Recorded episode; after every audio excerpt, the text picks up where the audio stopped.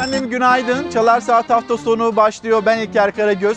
Bugün 31 Mayıs 2020 günlerden pazar. Dileğimiz her zamanki gibi güzel bir gün olması, güzel haberler verebilmeyi dilediğimiz bir gün olması. Şimdi Mayıs ayı, Mayıs ayını tamamlıyoruz. Önümüzde yani yarından itibaren önümüzde normalleşme sürecinin olduğu günler var. Yepyeni bir ay başlayacak. Yarın pazartesi itibariyle Haziran ayına geçiş yapmış olacağız.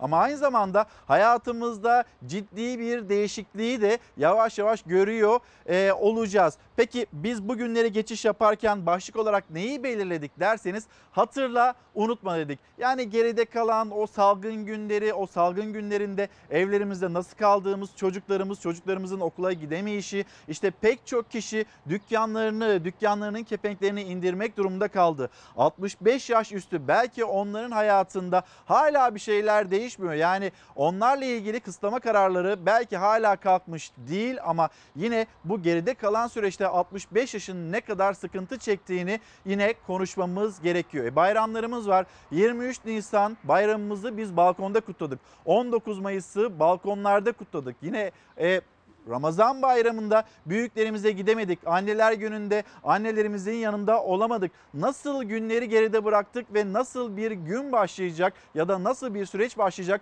bunları unutmadan, bunları sürekli ama sürekli hatırlayarak ve sosyal mesafeye ya da maske kurallarına, hijyen kurallarına sürekli uyarak ilerlememiz gerekiyor. Şimdi Fox kameramanı Berkcan Tuğ'dan bir rica edeyim. Şöyle bir e, Ankara'dan Fox e, Ankara bürosunun üzerinden, çatısından, kulesinden şöyle bir Ankara'ya baktığımızda sokakların ne kadar da sakin olduğunu görüyorsunuz. Belki geçtiğimiz aylarda ve o aylardaki pazar günlerinde de sokaklar sakindi. Ama biz sokağa çıkma kısıtlamalarını gördük. Haftalarca sokağa çıkma kısıtlaması uygulandı. 30 büyük şehir ve Zonguldak diye başladı. Şimdi o kısıtlamalar yavaş yavaş azaldı. 14 büyük şehir ve Zonguldak iline geriledi. Pek çok izleyicimiz sormakta. Acaba önümüzdeki e, günlerde, haftalarda bu sokağa çıkma kısıtlamaları büyük şehirlerde devam edecek mi, etmeyecek mi diye. Şimdilik uygulamada gözükmüyor ama önümüzdeki günlerde tedbir alınmazsa, maske kurallarına uyulmazsa ve yine o hijyen kurallarına uyulmazsa yani vaka sayısı, günlük vaka sayıları birden tırmanırsa e ne olacak o zaman? Biz o geride bıraktık diye düşündüğümüz günlere geri dönmek durumunda kalabiliriz. O yüzden tedbirli olmamız gerekiyor. O yüzden hatırlamamız ve unutmamamız gerek gerekiyor geride bırakmış olduğumuz günleri. Aynı zamanda bugün ekonomiyi konuşacağız. Siyaset, siyasetin e, kurmuş olduğu cümleler var, polemikler var. Bunları konuşacağız. Ve yine sizi Çeşme'ye götüreceğiz. Çeşme'de işte önümüzdeki günlerde normalleşme süreci diyoruz ya. Tatil, tatille ilgili işte bu tatil beldelerinde, ilçelerinde alınan önlemler var, tedbirler var. Bunları da biraz sizlere aktarmak istiyoruz ama ilk haberimiz, ilk haberimiz maalesef acı bir haber. Dün öğleden sonra bir polisimizin şehit olduğu haberi gelmişti. Bu acı haberi paylaşmıştık e, sizlerle ve akşam saatlerinde iki acı haber daha geldi. Bu kez acının adresi Hakkari'ydi. Hakkari'den geldi bu kez acı haber. İki asker teröristlerle girilen çatışmada şehit oldu. Hakkari Çukurca'da keşif gözetleme görevindeki askerlere saldırı düzenledi teröristler. Çatışma çıktı. Açılan ateşte piyade er Mehmet Günay ile uzman çavuş Uğur Bora şehit oldu. Geçmişlerimizin ruhu için, şehidimizin ruhu için, cümle şehitlerimizin ruhu için, Allah rızası için El Fatiha. Şehit uzman çavuş Uğur Bora 28 yaşındaydı. Evli, 2 yaşında bir kız babasıydı. Yaklaşık 6 ay önce Çukurca'da yıldırım düşmesi sonucu yaralanmış. İstirahat etmek için baba evine gitmişti. İyileşip görevinin başına döndükten sonra Tokat Niksar'daki baba evine bu kez acı haberi ulaştı. Şehit piyader Mehmet Günay ise Hataylıydı. 21 yaşında bekardı. Acı haberin ulaştığı baba evi Türk bayraklarıyla donatıldı. Cumhurbaşkanı Recep Tayyip Erdoğan 4 gün önce Diyarbakır Bağlar'da devriye görevi yaparken açılan ateşte şehit olan polis Atakan Arslan'ın ailesini aradı. Başsağlığı dileklerinde bulundu. Polis Arslan'ın şehit edilmesi olayına karışan 3 şüpheliden ikisi düzenlenen hava operasyonuyla yakalandı. Irak'ın kuzeyi Zap ve Hafte'nin bölgelerinde keşif ve gözetleme vasıtalarıyla tespit edilen 3 PKK'lı terörist düzenlenen hava harekatı ile etkisiz hale getirildi. Milli Savunma Bakanlığı'nın sosyal medya hesabından yapılan paylaşımda en son terörist etkisiz hale getirilinceye kadar operasyonlarımız devam edecek denildi. Sizlerden mesajlar da geliyor. Hemen bir izleyicimiz onun paylaşımı aktarmış olayım. Milli Eğitim'de çalışan hizmetliler 32 bin hizmetli Haziran ayı itibariyle 2 ay boyunca işsiz kalacaklar. Lütfen bunları anlatın. İnsanlar evlerine ekmek götüremeyecek, çocuklarına harçlık veremeyecek, kiralarını ödeyemeyecekler. Bunların da konuşulmasını istiyoruz demekte. Derya Bey günaydın. Tarsus'tan yazıyor bizlere. Hatırla unutma başlığı altında. Önümüzdeki süreçte sosyalleşmede başarılı olamayan ülkeleri iyi takip edip daha tedbirli olmalıyız. Şimdi biz ülke olarak normalleşme adımları atıyoruz. Aslında tam da Derya Bey'in dikkat çektiği gibi bugün gazete Pencere'nin de dikkat çektiği bir e, tablo var aslında hani biz normalleşiyoruz günlük bin vaka belki biraz böyle aşağısı zaman zaman biraz yukarısında e, böyle bir vaka sayısıyla aslında normalleşmeye gidiyoruz ama dünyanın ne yaptığını az sonra sizlerle e, paylaşacağım okuyacağım ama Güney Kore 50 gün sonra günlük vaka sayısı yani Güney Kore 50 gün sonra normalleşecek ve günlük vaka sayısı şu anda 79. Almanya günlük vaka sayısı 134. Onlar normalleşiyor.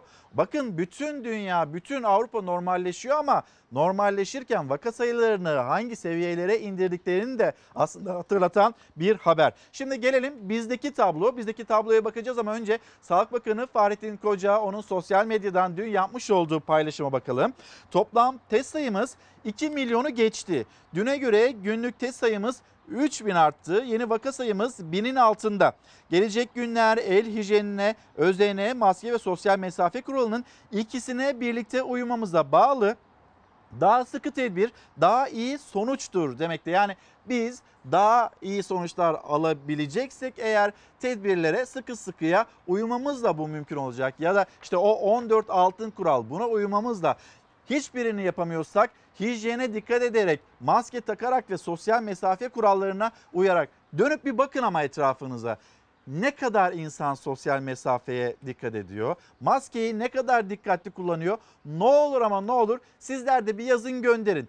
Ve bu yüzden diyoruz zaten hatırla unutma diye. Bu yüzden konuşuyoruz, bu yüzden anlatmaya çalışıyoruz. Geride bıraktığımız günler bize yaşatmış olduğu sıkıntı ekonomik olarak, sosyolojik olarak ya da psikolojik olarak bizlerde, büyüklerimizde ya da çocuklarımızda hepimizde yaratmış olduğu sıkıntılar. Bunların hepsini konuşmamız ve tekrar tekrar hatırlamamız, hatırlatmamız gerekiyor. Şimdi bir de tabloyu paylaşalım sizlerle. Dünkü test sayısı Sayın Bakan'ın da açıkladığı gibi 39.230 3000 daha arttı. Vaka sayısı binin altına geriledi. Bu hani bir zaferden bahsediyorsak binin altında gerçekleşmesi gerekiyor denilmekteydi. Yine Sağlık Bakanı Koca tarafından binin altında gerçekleşti. Ama bir dalgalanma var. O dalgalanma, o dalgalanmaları sonrasında zaman zaman binin üzerine çıkıyor. Zaman zaman da binin altına e, düşmekte.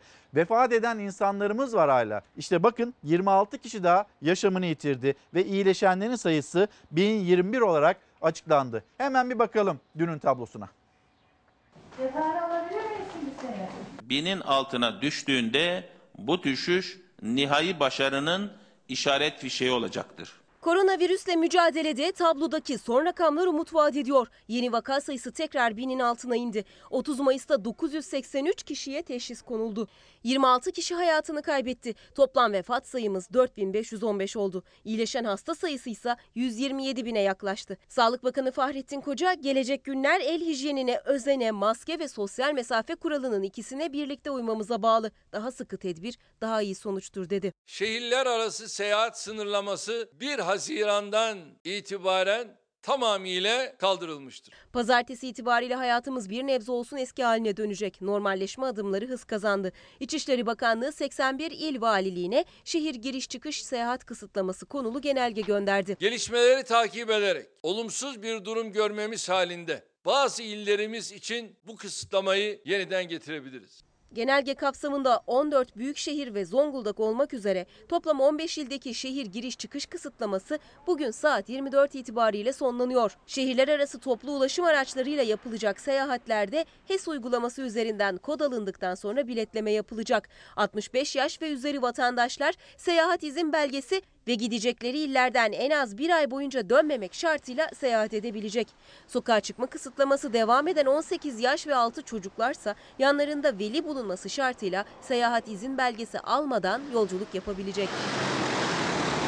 İçişleri Bakanlığı lokanta, restoran, kafe gibi iş yerleri, park, piknik alanları, mesire yerleri ve giyim pazarları hakkında da 81 il valiliğine genelge gönderdi. Park, bahçe, piknik alanları, mesire yerleri, plajlar yarın itibariyle açılıyor. Ama kalabalıkların bulunabileceği böyle yerlerde iskambil, okey, tavla oynanamayacak. Nargile satışları yapılamayacak. Dans ve oyun amaçlı canlı müzik faaliyetleri yapılamayacak. Sosyal mesafeye dikkat edilecek. Pazarlarda sergi ve tezgahlarda giyim, oyuncak, süs eşyası, çanta gibi zaruri olmayan ihtiyaç maddelerinin satışı mesafe şartlarına uyularak başlayacak. Spor salonlarıyla yüzme havuzu, kaplıca, hamam, sauna, spa merkezleri de açılıyor. Restoran ve kafelerde sosyal mesafe ve hijyen kurallarına uymak şartıyla yeniden müşteri ağırlamaya hazırlanıyor. Genelgede iş yerlerinin paket servis ya da gel al benzeri şeklinde çalışabilecekleri anımsatıldı. Masalarda özel kumaşlar yaptırdık sosyal mesafeyi korumak için. Restoranlardaki en önemli düzenleme oturma düzeniyle alakalı. Aradaki masalar işte böyle örtülerle kapatıldı ki o masalara oturulmasın diye. Oturulabilir masalara da baktığımız zaman 4 kişilik sandalyeler ikiye indirildi ve ancak çapraz şekilde oturabilecek müşteriler. Kapılara iki tane dezenfektan insanlar girdiklerinde ellerini dezenfekte ederek girecekler içeriye. Tek kullanımlık ketçap, mayonez, tuz, biber, baharat, lavabolar dezenfektanlarla her gün temizlenecek. İlaçlama yapıldı tamamen. Personelimiz maske kullanacak.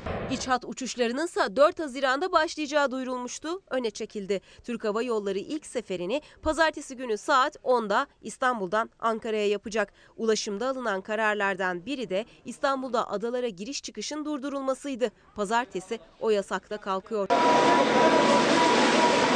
Tarihi kapalı çarşıda 1 Haziran'a hazırlanırken belki de son kez meydanlar sokak hayvanlarının ve kuşlarında.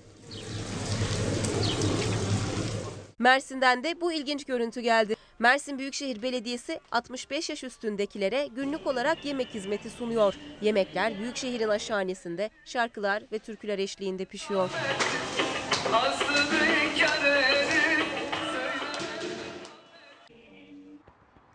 Dündar Bey günaydın. Dündar Özener bize Osmaniye'den günaydın demekte. Osmaniye'de maske takma zorunluluğu getirildi. Bunun bilgisini aktarayım demekti. Tabii bir yandan memleket, memlekete dair haberler paylaşırken sizlerden de mesajlar geliyor. Çok teşekkür ederiz. Hem hatırlatıyorsunuz hem de haberleri birlikte paylaşıyoruz. Mahmut Bey, Mahmut Necat Yavuz Antalya'ya selamlarımızı iletelim. Mehtap Hanım, Mehtap Çotulay 65 yaş üstü olarak sizleri izliyoruz. Annemin ismi Şengül. Bir selam gönderir misiniz demiş Şengül Hanım'a. Elbette bizler de selamlarımızı gönderelim. Kadriye Hanım 65 yaş üstü hani sürekli bunu söylüyoruz. Haftada bir gün bizim dışarı çıkmamıza izin veriliyor ve bu da yetmiyor demekte. Bugün yine saatler 14'ü gösterdiğinde 14 ile saat 8 arasında yani 20 arasında 65 yaş üstü dışarı çıkacak, nefes alabilecek ama bir gün yetmiyor. Bir de dün burada e, Profesör Doktor Esin Davutoğlu Şenol'u ağırladık. Artık bu e, düzenlemenin ya da kısıtlamanın bir anlamı kalmadı demekte Esin Davutoğlu Şenol. Biz başlangıçta hem büyüklerimizi korumak için hem de bir yandan da sağlık sistemimiz zora düşmesin, sıkıntıya düşmesin diye bu adımı attık. Haklıydık ama artık böyle bir düzenlemeye gerek kalmadı demekte yine hatırlatmış olalım. Gazi Emir, İzmir Gazi Emir'e e, selamlarımızı iletelim. Halil Kocabeykoğlu günaydınlar Çanakkale'den bizlere günaydın demekte. Remzi Bey Manisa şehir merkezine ulaşım için bisiklet yolu istiyoruz. Lütfen yetkililere e, ulaştırır mısınız demekte. Manisa Bisikletli Ulaşım Platformu adına bu mesajı bizimle paylaşmış ve e, izleyicimiz hemen bakayım isminizi göremedim ama sık sık da ekran karşısındayız. Evet bugün hava sıcak yani görece sıcak geçtiğimiz haftaya göre e, oldukça sıcak onu öyle söyleyeyim. Şu an itibariyle hava sıcaklığı Ankara'da 13 derece. 13 derece olunca biz üzerimizdeki ceketi çıkarttık, montu çıkarttık. Güzel bir güne uyanıyoruz. Ama bu güzel günler, önümüzdeki güzel günlerde belki karşılaşacağımız günlerde yine hatırlatalım. Bizim tedbirleri elden bırakmamıza neden olmasın. Şimdi hemen gelelim bir de Hürriyet gazetesi. Yavaş yavaş gazeteleri de aktarıyor olalım. Hürriyet gazetesi manşeti. Yazlıklara korona zammı. Yani aslında burada Hürriyet gazetesinin manşetinde bir fırsatçılığın haberi var. Güvenli tatil arayanlar yazlıklara akın edince sahillerdeki müstakil evlerin ve dairelerin kiraları %21 ile 39 arasında yükseldi. Yazlık kiralarında en çok artış Kemer, Datça, Alanya, Fethiye, Ayvalık, Marmaris, Alaçatı ve Kuşadası'nda oldu. Kiralar Kemer'de %39, Datça'da %38, Alanya'da %37, Fethiye'de %26, Ayvalık'ta %24, Marmaris, Alaçatı ve Kuşadası'nda %21 seviyesinde arttı denilmekte. Haber bu şekilde. Gelelim bir de diğer habere seçtiğimiz diğer habere Hürriyet gazetesinden. Yarın başlıyor. Yarın yeni bir gün olacak. Yarın bir milat olacak ama tekrar hatırlatalım ve hatırla unutma geride bırakmış olduğumuz günleri nasıl bayramlar geçirdiğimizi, nasıl büyüklerimize sarılamadığımızı, milli bayramlarımızı nasıl balkonlarda kutlamak durumunda kaldığımızı ya da dini bayramlarımızda sevdiklerimize gidemediğimizi ne olur hatırlayın ve unutmayın ki biz önümüzdeki günlerde bir hata yapmış olmayalım ya da eskiye geri dönmüş olmayalım. 28 Mart'ta durdurulan iç hat uçuşları başlıyor. İlk sefer yarın saat 10'da İstanbul'dan Ankara'ya işte hava yolu başlıyor. 28'inde Mayıs'ın 28'inde biliyorsunuz yüksek hızlı trende seferlerine başlamıştı. Normalleşme adına adımlar atılıyor. Kafeler, restoranlar yine onlar da açılacaklar. Herkesin almış olduğu tedbirler var ve bu normalleşme ile ilgili hepimizin üzerine düşen sorumluluklar var genç hareketli popülasyonu zaten hiç kapatmamışken yaşlıları evde tutmanız onların başka sağlık sorunlarıyla uğraşması demek oluyor. Artık rahat bıraksınlar. Benim gibi herkes bunu almıştı. Yürüyüş yapmak istiyoruz. Haftada bir gün yetmiyor. Bu başında mantıklı olabilirdi ama artık geldiğimiz noktayı biliyoruz. Her yer açıkken, seyahatler bile açıkken yaşlıların artık evde tutulmaması gerekiyor. İki ay önce sokağa çıkmaları yasaklanan 65 yaş üstü vatandaşlar da uzmanlar da aynı çağrıyı yapıyor. Yasak artık kalkmalı diyerek. Çünkü 65 yaş üstü vatandaşlar hareketsizlikten şikayet ederken uzmanlar o hareketsizliğin bedeli ağır olacak diye uyardı. İnsanlar mental ve fiziksel olarak ciddi sıkıntılarla baş başa olacaklar. Bu da bizim o sıkıntılarla baş başa olacağımız anlamına geliyor. Maaşımı kendim çekmek istiyorum, alışverişimi kendim yapmak istiyorum, hastaneme kendim gitmek istiyorum. 65 yaş üstünün sokağa çıkma sınırlaması devam edecek. Normalleşmeye dair yeni bir dizi kararı açıklarken 65 yaş üstüne sokağa çıkma yasağının bir süre daha devam edeceğini duyurmuştu Cumhurbaşkanı Erdoğan. Ama uzmanlara göre normalleşme adımları tam tersi atılmalıydı. Yani özel gruplara yasak kalkmalı, 1 Haziran'dan itibaren kaldırılacak tedbirler yavaş yavaş esnetilmeliydi. Profesör Doktor Esin Davutoğlu Şenol 1 Haziran sonrası için normalleşmeye hazır değiliz dedi. Hazır mıyız? Hazır değiliz ama hazırmış gibi yapacağız kafeler, restoranlar, okulların kapatılması çok işe yaramıştı. E şimdi hepsini birden açtık. Şimdi hangisinde ne sorun çıkıyor? İlker Karagöz'de Fox Çalar Saat hafta sonu programında konuşan enfeksiyon hastalıkları uzmanı Profesör Doktor Esin Davutoğlu Şenol, başta seyahat yasağının tamamen kaldırılması, kreşlerin, restoran, kafe gibi işletmelerin açılması gibi kararların filyasyonun yani virüsün takibinin daha da zorlaşacağı riskine dikkat çekti. Bir kişinin yüzlerce kişiye yaydığı bir durum olacak. Peki nereden kaynaklandı bu? Marketten mi? Bu kişi hastaneye mi girip çıktı? Onları bilemeyeceğiz. İnfekte bir kişi bir AVM'ye girdiğinde o virüsü önüne katar ve istenmeyen noktalara götürebilir ve oradan da kümeleşmeler çıkabilir. İkinci dalga birinci dalgaya birleşebilir tabii ki. Bunu Temmuz'da falan görürüz. Profesör Doktor Şenol'a göre tablo rahatlamak için yeterli değil. Yasaklar da bir süre daha devam etmeliydi diyor. 1 Haziran itibariyle açılacak kreşler, gündüz bakım evleri ve LGS üniversite sınavları içinse uyarıyor. Okullar açılması kötü şeyler yaşatabilir. Yani... Bana kalırsa o sınav ertelenmeliydi. Keşke Temmuz sonuna bırakılsa bu iş.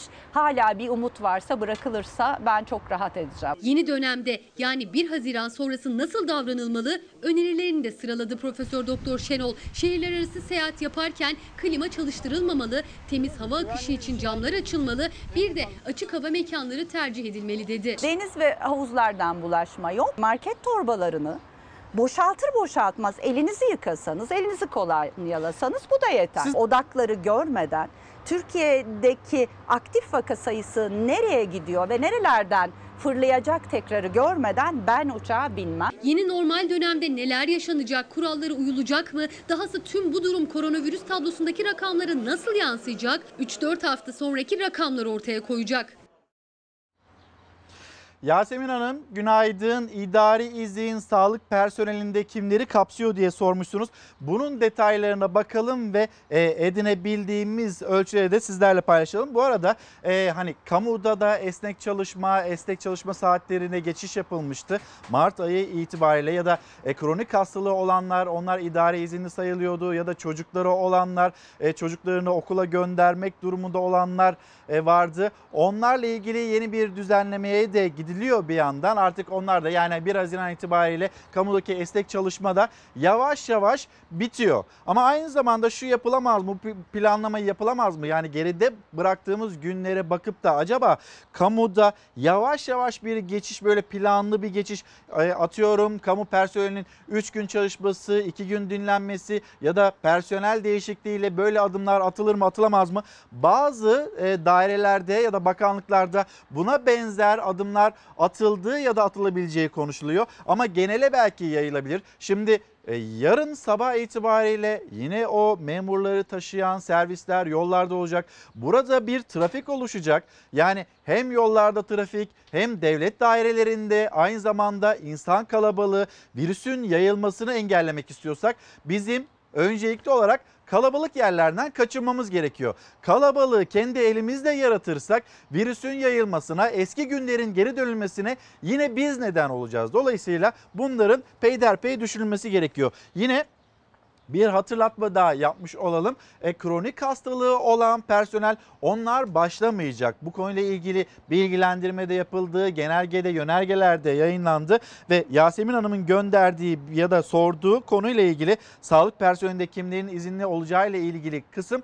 Bunu bir bakalım. Hani bilgiye de erişebiliyorsak sizinle paylaşalım. Birazdan bir sağlık personelimiz, dilek hemşiremiz, kendisiyle ilgili bir haberi paylaşacağız. Aslında biz hatırla unutma derken Dilek Hemşire'yi, Tunç Bebeği, kaybettiğimiz sağlık çalışanlarını ya da bu süreç içinde kaybettiğimiz vatandaşları onları da hatırlayalım. Onları da unutmayalım diye belirledik. Şimdi sadece biz geri dönüşten e, ya da eski günlere dönmeyelim diyerek değil. Şimdi yavaş yavaş bu virüsün e, yayılma hızının düştüğünü görüyoruz. Rakamlar da bunu söylüyor. Ama bir evde can kaybı varsa ve e, o evde o böyle bir kayıp yaşandıysa bütün Türkiye'de koronavirüs olmasa bile o evin içinde büyük bir acıya tanıklık ediyoruz hep birlikte.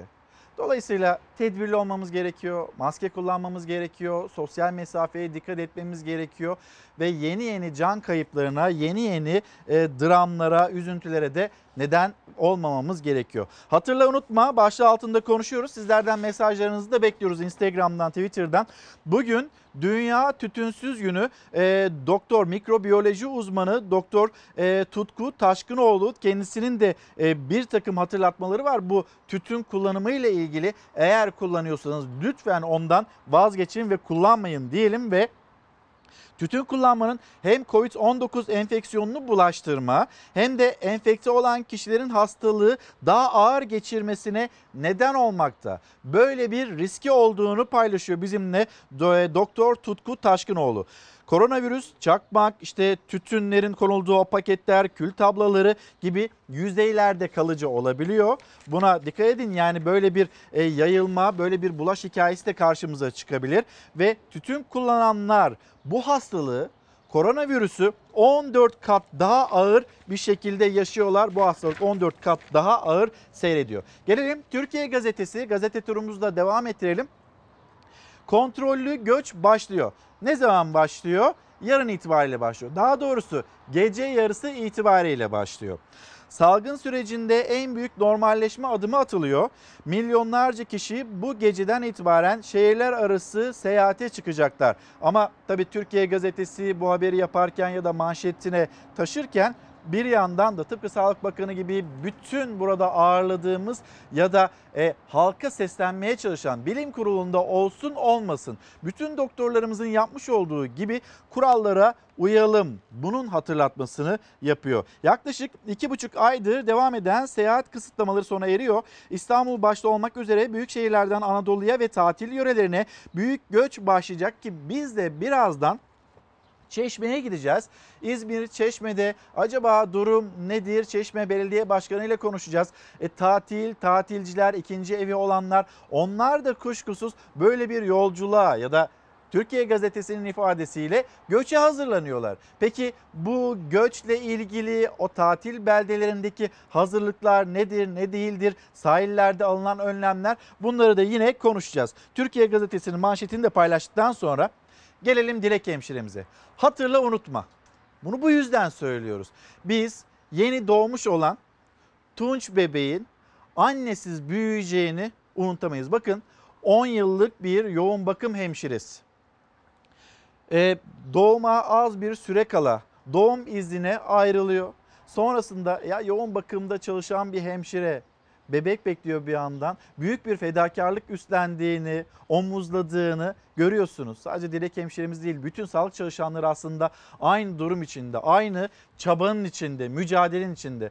Dilek hemşiremiz doğum için, Tunç'una kavuşabilmek için izne ayrılmıştı. Sonrasında semptomları gösterdi. Hastaneye, yoğun bakımda hemşire olarak çalıştığı yere bu kez bir hasta olarak döndü. Tunç bebek dünyaya geldi. Tunç bebek doğdu ama annesi onu koklayamadı. Annesi bu hayata tutunamadı. Bebeği doğumdan sonra e, doktor bey 2-3 saniye gösterdiğini söyledi. Bir daha da göremedi, hiç koklayamadı. Dilek hemşire koronavirüse yakalandı. Bebeği 34 haftalıkken sezeryanla alındı. Genç hemşire doğumdan sonra bir kez görebildi bebeğini. Günlerdir yoğun bakımdaydı. Türkiye'nin duaları da onunlaydı. Ancak 30 yaşındaki hemşireden iyi haber gelmedi. Bebeğini bir kez daha göremeden beyin ölümü gerçekleşti. Yamaç paraşütü, dalış, eşi arkadaşları hep hayata bağlılığıyla tanırdı Dilek Akçabelen'i. 10 yıldır yoğun bakım ve ameliyathane hemşiresi olarak gece gündüz şifa dağıttı. Hamileydi, salgın Türkiye'ye ulaşınca doğum iznine ayrıldı. Bebeğinin geleceği güne hazırlanmaya başladı. Kıyafetlerini hazırlıyorduk. İnşallah yine böyle gülerken göreceğiz. Hamileliğinin 34. haftasında ateşi yükseldi Dilek hemşirenin. Sırt ve bel ağrısı da artınca hastaneye kaldırıldı. Bebeği sezeryanla alındı. Küveze alındı bebek. Yeni doğan yoğun bakıma girdi. Bir 20 gün yoğun bakımda kaldı. Tunç bebek küçük, annesi hastaydı. Birbirlerini bir kez görebildiler. Sonrasında ise Dilek hemşirenin durumu ağırlaştı. Tek çare akciğer nakliydi. Hatta ailesi kampanya başlattı. Eniştemle konuşmalarında işte 5 gün sonra çıkacağım ben buradan. Doktorlar öyle söylüyor. Umudunu hiç yitirmedi genç hemşire ama uygun dönör bulunamadı. Önce akciğerleri iflas etti, sonra da beyin ölümü gerçekleşti Dilek Akçabelen'in. Kucağına alamadığı bebeğine ve hayallerine yeniden kavuşsun diye ailesi bir mucize bekliyor.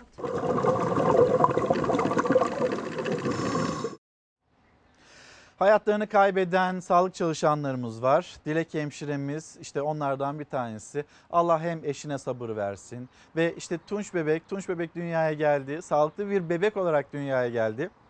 Ama annesi onu koklayamadı. Annesiz büyüyecek. Babası işte annesinin yokluğunu da hissettirmemeye çalışarak e, Tunç'unu büyütmeye çalışacak. Ama nasıl zor günler yaşıyoruz, ne kadar büyük fedakarlıklar, sağlık çalışanları aynı zamanda eczacılarımız da. Hani hakları ödenmez diyoruz ya yine hikaye başa dönüyor. Yine sağlıkçılar, sağlıkçıların yaşadığı problemlere geri dönüş yapmış oluyoruz. Hakları ödenmez derken bir yandan da verilen sözler olmasına rağmen ne bileyim ayrımcılığın yapıldığını e, görmekteyiz ya da buna itiraz seslerinin hastanelerin avlusundan yükseldiğini görmekteyiz. Evet haklarının ödenmediğinin bazı sağlık çalışanlarımızın haklarının ödenmediğini görüyoruz. sağlık çalışanları arasında çalışanlarının en doğal haklarını ödemiyorsunuz. Salgın nedeniyle sağlık çalışanlarına tavandan ek ödeme yapıldığı açıklanmıştı ama hastanelerde fedakarca emek veren çalışanların tamamı o ödemeden yararlanamadı. Teskop İş Sendikası'na göre hemşireler arasında adaletsizlik oldu. Hasta bakıcılar, yemekhane ve temizlik çalışanlarına ödeme yapılmadı. Sağlıkçılar bir kez daha seslerini duyurabilmek için çapada eylemdeydi. Covid-19 hastalığı tüm çalışanlar için meslek hastalığı olarak tanınmalıdır. Bu hastalık nedeniyle geçici ya da sürekli iş göremezliği olan iş kazası geçilmiş sayılmalıdır. Sadece hastanelerdeki sağlık çalışanları değil, eczacılar da koronavirüs sürecinde en çok özveride bulunanlar arasında. Gerekli tedbirleri almamıza rağmen yine birebir yani buraya gelen hastalarda da Covid'li tanısı olan hastalar geldi ve birebir onlarla etkileşim halinde olduk. Virüs ilk kez bir eczacıda ve çalışanında görülmüş, her ikisi de hayatlarını kaybetmişti. İlk vakaların ardından İstanbul'da 5 eczacı daha yaşamını yitirdi. 30 eczacı ve 40 çalışanına da tanı konuldu. Genellikle bu süreçte maskelerle daha çok uğraştık. Raporlu ilaçları sadece verebildik ama diğer akut grup bahsettiğimiz ilaçları genellikle veremedik. Salgın sürecinde en fazla bulaş riski olanlardan biriydi eczacılar. Sadece virüs tehlikesiyle karşı karşıya kalmadılar. Birçok sağlık kurumu pandemi hastanesine dönüştürülüp aile sağlığı merkezleri de poliklinik hizmetini azaltınca ekonomik kayıplar da yaşadılar. Mart ayından Nisan'a geçişte %15'lik bir küçülme, Nisan'dan Mayıs'a geçişte ikinci bir %15'lik küçülme söz konusu. Yani eczane cirolarımızda yaklaşık %30 gibi bir küçülme söz konusu. Eczaneye zorunlu olmadıkça kimse gitmedi, satışlar düştü. Giderlerinin ise aynı şekilde devam ettiğini söyledi İstanbul Eczacı Odası Başkanı Cenap Sarıalioğlu. Bazı ilaçları neredeyse hiç kar etmeden sattıklarına dikkat çekti, destek istedi. Sağlık Bakanlığı'ndan ilaç fiyat kararnamesinin güncellenmesiyle ilgili bir talebimiz var. Ee, bunu niye istiyoruz? Bizim e, kararnamede dördüncü, beşinci kademe dediğimiz ilaçlar eczacıların neredeyse e, kar etmeden satış yaptığı ilaçlar. Karlılıkların düzeltilmesi eczacılar için şu anda en ivedi sorun. Hiç para kazanmadan e, bu ilaçları alıp satıyoruz. Efendim şimdi bir mola vereceğiz. Döndüğümüzde e, görüyorsunuz siz de ekranlarınıza yansıyor. Sözcü gazetesi yazarı Deniz Zeyrek yavaş yavaş şöyle Milli Egemenlik Parkı'nın yanından da bir el sallayayım kendisine. Günaydın Deniz abi. Bekliyoruz. Bir mola verelim. Bir mola verelim. Sonra siyasete dair paylaşacağımız haberler de var. Onları da aktaralım. Efendim bir kez daha günaydın. Çalar Saat hafta sonu devam ediyor. Sözcü gazetesi yazarı Deniz Zeyrek şu anda yanımızda. Deniz abi günaydın. Günaydın. Gelirken de zaten yakalamıştık. Evet evet. Gündeme bir geçiş yapacağız Deniz abi. Birkaç mesaj var. Bu mesajlarla ilgili senin düşüncen ne onu da merak ediyorum. Hakan Bey göndermiş mesela sokağa çıkma yasağının uygulandığı illerde emniyet güçleri mahalle aralarında dolaşmalı. Çünkü bu alanlara yasak gelmemiş gibi insanlar sokaklarda böyle sosyal mesafeye de çok fazla dikkat etmeden hayatlarına devam ediyorlar demekte. Cengiz Bey şimdi soy ismini de okumayayım Cengiz Bey'in ama bir itirazı var ya da sesini duyurmaya çalışıyor. Temizlik personeliyim. Bizler sabah 8 akşam 20'ye kadar çalışıyoruz. Hiçbir sosyal hakkımız yok. Sadece kuru maaş alıyoruz. İstanbul Başakşehir Devlet Hastanesi'nde çalışan bir e, temizlik personeli olduğunu hatırlatalım. Bir yandan da lütfen ama lütfen şöyle köylere bakın, yaylalara bakın. Orada insanların sosyal mesafeye çok fazla dikkat etmediğini göreceksiniz. Lütfen ama lütfen dikkatli bir şekilde ve ısrarla bunu söyleyelim, devam edelim. Herkese uyaralım diyor izleyicilerimiz. Şimdi aslında İyi Parti'den Musavat Dervişoğlu'nun bir çağrısıydı. Sokağa çıkanlar var. Daralıp da sokağa çıkanlar var. Onlara kesilen cezalar var. Ve bu cezaların affedilmesini e, istiyor ya da böyle bir teklifte bulunuyor. Az önce konuştuk e, Mahmut abiyle, Fox kameramanı Mahmut Özgün'le. Atakule'nin orada 65 yaş üstü dün nefes almak için dışarı çıkmış. Polisler de yani onlara verilen talimat görev bu. Onlar da o cezaları 3000 3000 cezaları kesmişler. Acaba burada bir düzenleme yapılamaz mı? Ne dersin? Ya bunun bir hani yaptırımı olmasına gerek yok aslında. Yani bu, bu bir e, aslında toplumsal mutabakat. 65 yaş üstünün evde tutulmasının nedeni onları korumak. Demek ki bunu anlatamamışız insanlara. Yani ben mesela bazen babamla konuşuyorum. İşte e, hiç olmasa sitenin içinde çıkın yürüyün. Sitenin dışına çıkmadıkça bir sorun olmaz. Orada bir de sosyal mesafeye dikkat edin. Açık havada yanınıza 2 metreden 3 metreden fazla insanlar yaklaşmazsa bir sorun yaşamazsınız gibi bir şey söylüyorum. Söylediği ya ceza keserler. Şimdi bu insanların çoğu emekli. Aldıkları maaş 2000 lira falan. Siz bu adamları 3000 3150 lira ceza kestiğinizde e, virüsten daha tehlikeli bir şey oluyor onlar için. Yani bir emekliye 3150 lira ceza kesmek virüs bulaştırmaktan daha kötü Ya bir şey neler bence. neler affediliyor. Deniz Yani- abi ne vergi Ya bir e, de iş işten geçmiş. afları. Yani şu ana kadar sokağa çıkma yasağına uy- uyan, uymayan her neyse geride kalmış. Bu e, güvenlikle ilgili bir sokağa çıkma yasağı değil. Bu sağlıkla ilgili bir sokağa çıkma yasağı. Eğer tespit ediyorsanız o insanın virüsünü başkalarına bulaştırdığını tamam bir yaptırma olsun ama vatandaş nefes almak için çıkmış siz de fırsat yakalamışsınız ona hemen çökmüşsünüz cezanızı kesmişsiniz. Israr etmemek lazım ama ben bu işin e, biraz kötü niyetli olduğunu düşünüyorum. Devlet ekonomik açıklarını bu cezalarla kapatmaya çalışıyor. Yani onun için de ısrar ediyorlar, onun için de affetmeyeceklerini düşünüyorum. Ben e, yani Ve musavat velev ki ödeyemedi ne olacak? ya peşine düşecekler. So, hayatının sonuna kadar zehir edecekler o adama. Bunu öde öde öde çağrılar gelecek işte e-hacizler gelecek bilmem ne. Yani e, Musavat Bey çok doğru bir çağrı yapmış. İş işten geçti artık geride kaldı yani normalleşiyoruz. Bu Deniz saatten abi, sonra işte onun Hoca sokağa geldi. Siz de karşılaştınız.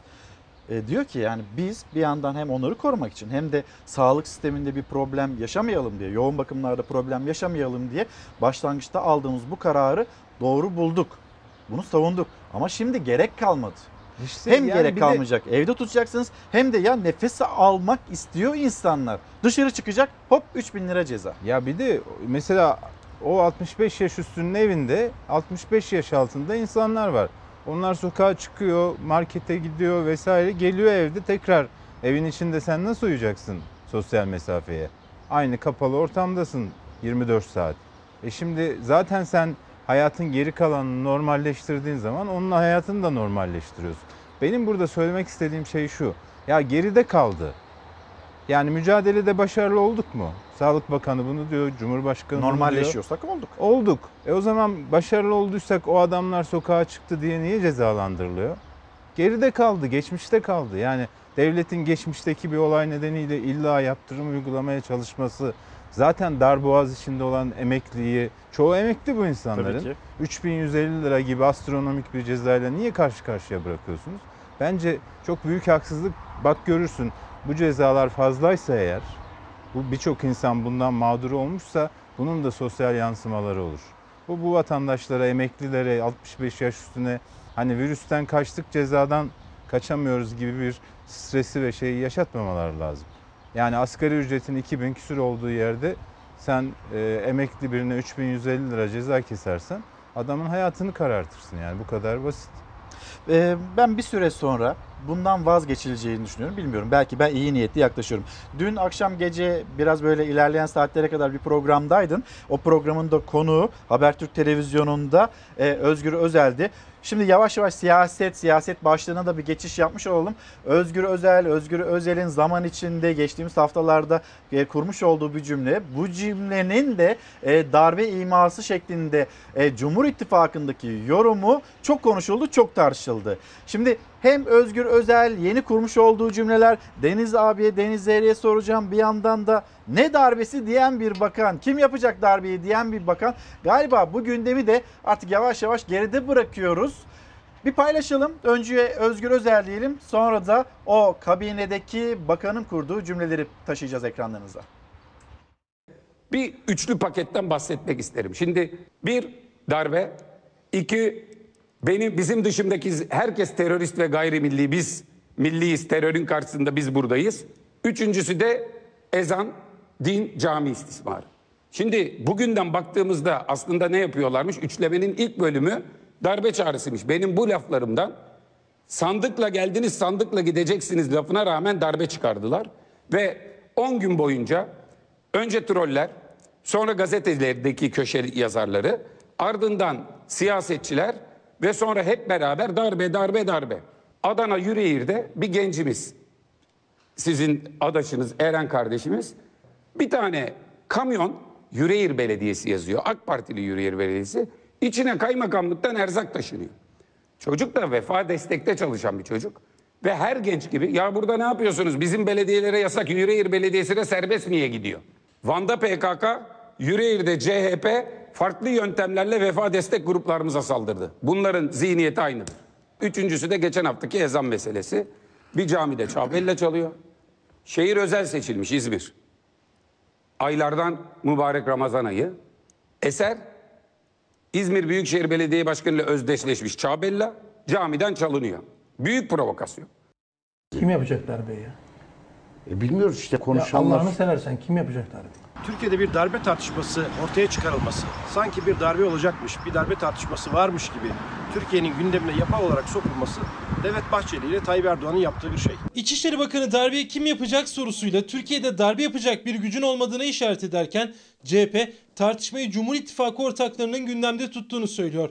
Erdoğan ve Bahçeli her fırsatta darbe üzerinden CHP'ye hedef alıyor. Hala darbeye umut bağlayanların mevcudiyeti ise tedavisi olmayan hiyanet virüsüne delalettir. Son olarak 27 Mayıs 1960 darbesinin yıl dönümünde Demokrasi ve Özgürlükler Adası'nın açılışında konuştu Bahçeli ve Erdoğan.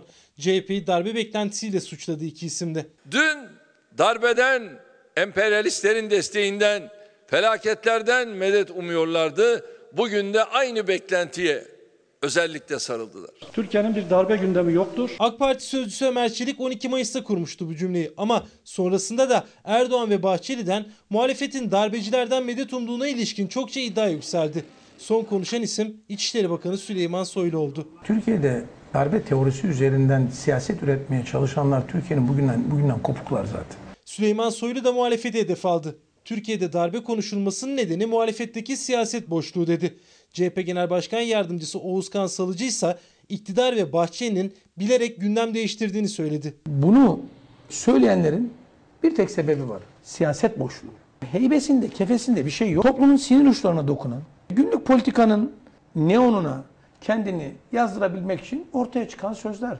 Devlet Bahçeli ile Tayyip Erdoğan'ın yaptığı bir şey. Mesele ne? Mesele iki partinin de tabanlarında bir yerime var. Bu kriz dönemini yönetemediler. Beş tane maske dağıtmayı beceremediler. Salgınla gelen koşullar bu ağır ekonomik krizi bir buhrana dönüştürdü. Türkiye'nin gerçek gündemi konuşulmasın, yapay bir gündem üretilsin, Cumhur İttifakı partilerinin tabanı konsolide edilsin çabası var. Allah'ını seversen kim yapacak darbeyi? Ömer Çelik Türkiye'nin gündeminde darbe yok demişti. İçişleri Bakanı da darbeyi yapabilecek kimse yok zaten dedi. Ama tartışma gündemden düşmüyor. Şimdi siyasetin konuştuğu bu konu ya da geride bırakmaya çalıştığı bu konu e, darbe polemiği. Buna geçiş yapacağız da Deniz abi şimdi diyor ki mesela Saniye Hanım tuhaf bir durum var diyor. 65 yaş altı serbest. Ben evdeyim. Torun bakıyorum. Dışarı çıkamıyorum. Şimdi Torun burada çıkıyor, dolaşıyor, geliyor. bir e şimdi e, çocukları alıyor. Yani işe gidiyorlar çalışıyorlar e, Tabii, yani tabii. toruna birinin bakması lazım. Hani çocuklarını gidiyorlar bırakıyorlar. E, dedelerine, anneannelerine ya da işte babaannelerine. Yani o dolaşım, o çocuk etkileniyor. o virüs varsa eve taşınıyor. Bu ne diyor? Şimdi bir, bir tane daha var Deniz abi onu da söyleyeyim de. O da garip. Diyor ki Galip Bey, Galip abi günaydın bu arada. 66 yaşındayım eşim 60 yaşında. Ben içerideyim eşim alışverişte. E, virüs alırsa o eve getirecek. İkimiz aynı evde yaşıyoruz. Oda, odaları böyle yalıtmamışlarsa Ya vatandaş hala burada tabii de. Bir ya yandan ne hani yapacaksın? Ay- bunun ayrı tuvaletler tu- tuvaletleri ayırın diyor mesela. Ya evde Ya bir tane varsa olacak? ne yapacaksın? Yani böyle e, çok kao- kaotik bir şey var aslında. Bak mesela 4 gün dışarıdasın diyelim. 3 gün bayram tatilinde evdesin. Yani 14 gün içeride olsan anlarım. Ama 3 günün bir faydası yok. Alpay Yani- Hoca'nın paylaşımını gördün mü? Yok görmedim. Şimdi sokağa çıkma kısıtlaması, hafta sonu kısıtlamaları alınan bu karar. Yani biz bu kararı alıyoruz. Bittiğinde o kısıtlama öyle bir dolaşım oluyor ki sokakta, Tabii, tabii, çarşı, tabii. pazarda. Bittiğinde ve başlamadan önce bak Evet. yıllardır bu mahallede yaşıyorum. Yani marketlerin önünde ben normal zamanlarda hayatta sıra görmemiştim. Kasaların önünde vesaire. Cuma günleri sıra var, pazartesi günleri sıra var. Böyle bir şey yani gerçekten çelişik bir durum bu. İzah edilebilecek bir durum değil. Yani aynı evde 65 yaşında da var, 18 yaş altında da var. E şimdi onlar çıkamıyor ama o aradaki insanlar çıkıyor giriyor, çıkıyor giriyor. Yani dışarıda onlar virüs aldığında o 65 yaşındakini, e, 18 yaş altını e, korumanın hiçbir mantığı yok yani.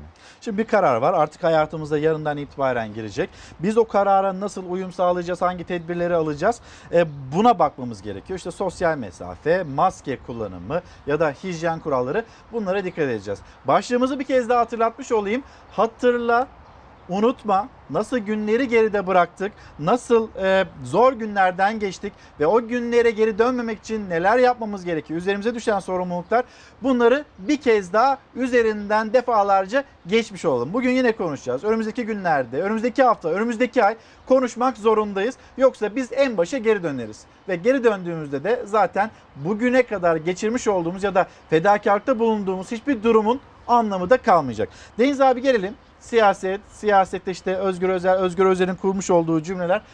Dün programdaydın, e, altını sen de çizdin.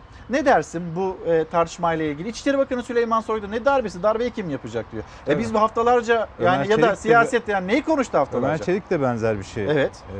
e, açıklama yaptı. E o zaman biz niye 15 gün eziyet ettik? Fer- Ferhan Şensoy'un bir e, oyununda vardı. Çok hoşuma gittiği için not aldım. Sürekli her yerde ku- kullanıyorum. İncir çekirdeğini eziyet etmek diye bir şey e, ifadesi var. Ne için eziyet ediyorsun? Doldurmak için. Hayır doldurdun taşırmak için de eziyet Hayır, ediyor Hayır, olabilirsin. incir çekirdeğini doldurmayacak meselelerden devasa şeyler çıkarmaya çalışıyor. Ama uğraşıyor, uğraşıyor, uğraşıyor. İncir çekirdeğini bile dolduramıyor.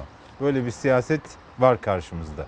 Yani Özgür Özel anlattı. Ben bilmiyordum o detayları. Yani ben diyor bu açıklamayı yaptım. Gittim diyor işlerime baktım bilmem ne. Neredeyse bir gün hiçbir şey yoktu diyor. Sonra Polonya kaynaklı bilgisayar hesaplarından bot hesap deniyor ya. Evet. Bilgisayarda üretilen e, sosyal medya hesapları var. Oradan diyor bir düğmeye basıldı diyor. E, ki zaten mesela bu bu konular hep böyle. Dün de mesela Ekrem İmamoğlu ile ilgili e, işte CHP'li İmamoğlu terbiyesiz mi ne öyle bir şey etiket açtılar. Bir kişi diyor ki arkadaşlar hadi bunu e, bu etiketi e, yayıyor. Ama o bir kişiye de biri söylüyor. Tabii tabii bu organize bir Tabii, şey. Yani organize. Polo- Polonya'dan, Organize kötülük yani. Polonya'dan düğmeye basılıyor. Yani Polonya kaynaklı bilgisayar hesapları diyor. Yani bunlar diyor birden başladılar diyor. Ondan sonra diyor birden işte şey oldu trend başlık oldu. İşte yani en çok konuşulan vesaire. Sonra diyor siyasetçiler girmeye başladı. Ertesi gün parti sözcüsü Ömer Çelik sahiplendi. E aynı parti sözcüsü Ömer Çelik 15 gün sonra tam tersini söyledi. E, tutmadı çünkü. Yani bu bu hep yapılıyor. Ne Bak, oldu? Yani kullanışlı mı bulunmadı? Ya Bak, da o süreçte bir aynısı, anket bak, yapıldı da halkta bak, karşılığı mı aynısı olmadı? Adana Yüreğir'deki işte de oldu. Ya başta bir şey olmadı. Çocuğu savcılıktan bıraktılar gitti. Deniz abi o zaman oradaki cümleyi de hatırlatayım ben. İçişleri Bakanı Süleyman Soylu'nun işte bir yandan terör imasında bulunulmuştu. Van'da Vefa Destek ekibine ki o PKK'nın PKK terör, terör saldırısının saldırısıyla e, Adana Yüreğir hani böyle eş seviyede tutulmuştu. Cumhurbaşkanı Erdoğan'ın cümleleri vardı ve Süleyman Soylu internet haberde, internet haberde konuştu. Ee, ya bir kaymakam oradaki soğan dağıtımında olur mu, bulunur mu? Bulunmuş diyor. Yani senin orada ne işin var demiyor da böyle ifade ediyor. Bir silah e, olduğunu e, kabul etmiyor. Bir yandan muhalefet diyor ki ya açıklayın hemen orada bir tane mobese kamerası var. O görüntüyü Tabii, bir tabii. paylaşın bakalım.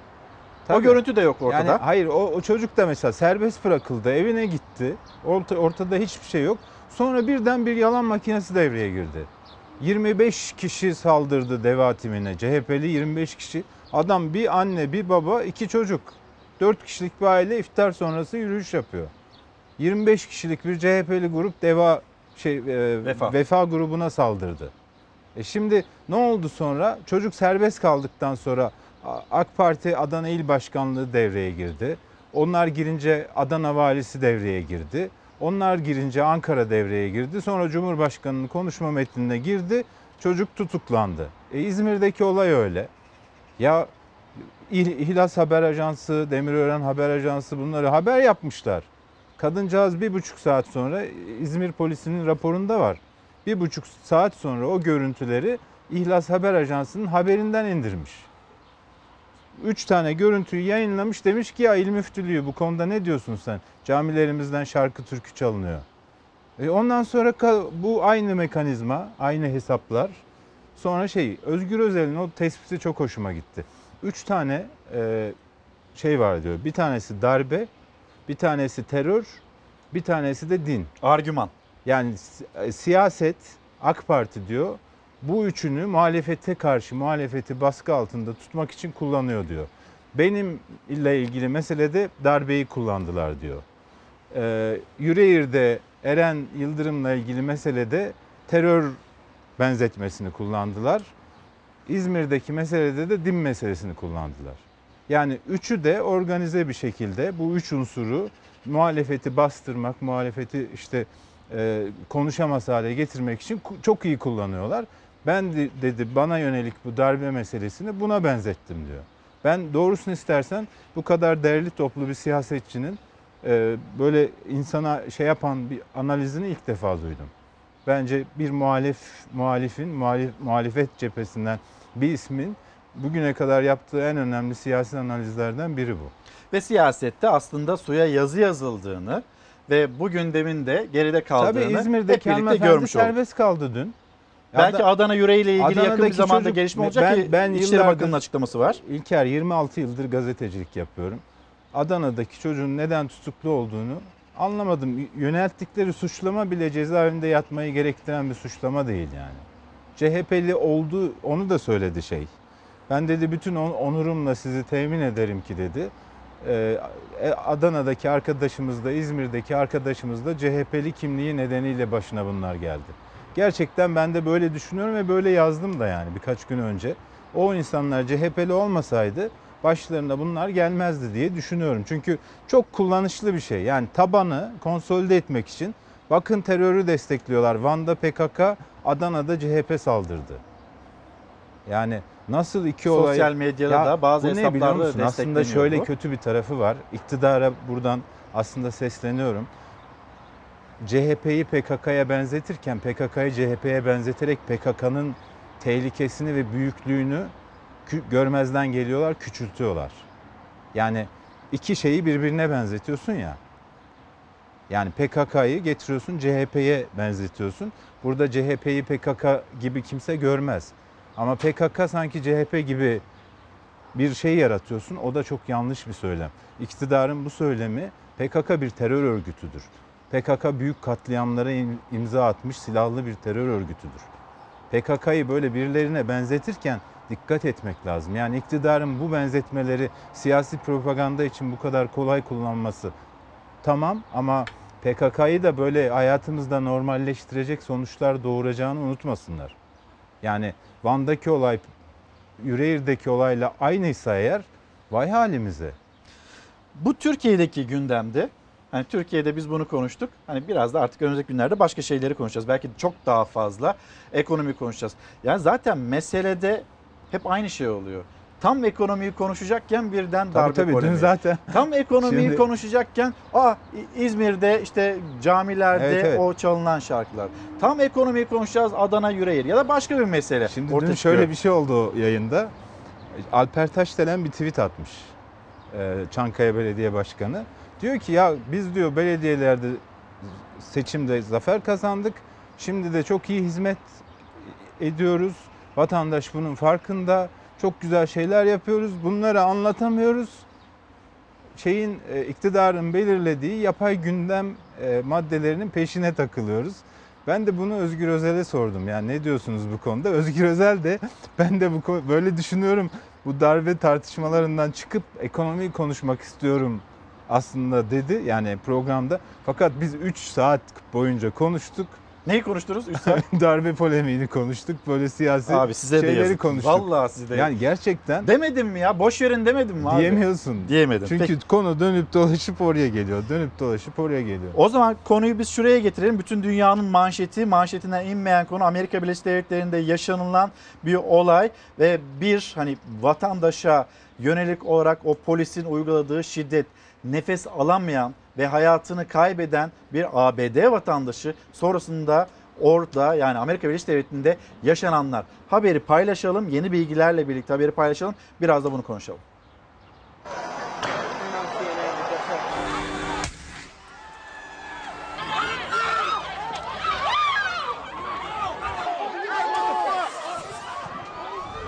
Siyahi Amerikalı Floyd'un ölümünden sonra Minneapolis'te başlayan olaylar diğer şehirlere de sıçradı. Adeta bir ateş gibi Washington'a, New York'a, Houston'a yayıldı. Eylemciler polis araçlarını ve binaları ateşe verdi. CNN televizyonunu hedef aldı. Olaylarda bir kişi hayatını kaybetti. Trump'ın emriyle asker sokağa indi. 25 şehirde sokağa çıkma yasağı ilan edildi.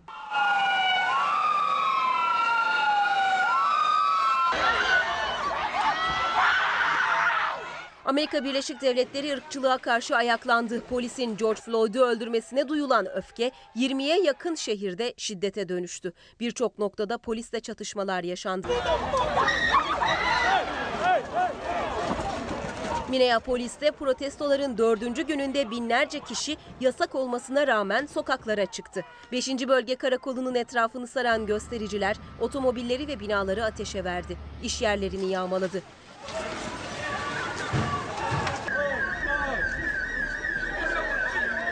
Şiddetin tırmanması üzerine Başkan Trump askeri birliklere hazır olmalarını emretti. Siyasi nüfusun en kalabalık olduğu Atlanta şehri de ırkçılığa karşı ayaklandı. Binlerce kişi CNN televizyonunun binasına yürüdü. Şirketin logosuna zarar verdi. İçeri girmeye çalışan göstericiler bir grup polisin koruduğu binaya önce taş sonra havai fişek attı. Gösteriler başkent Washington'a da sıçradı. Yüzlerce protestocu Beyaz Saray binasının önündeki parkta toplandı. Irkçı şiddete karşı sloganlar attı.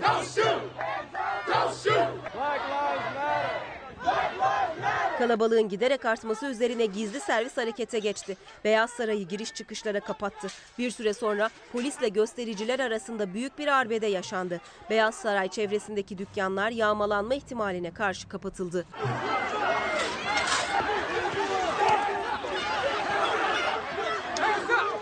New York'ta da binlerce kişi polis şiddetini protesto için belirlenen noktalarda toplandı. Kalabalığın kısa sürede artmasının ardından tansiyon yükseldi. Polis göstericilere müdahale etti.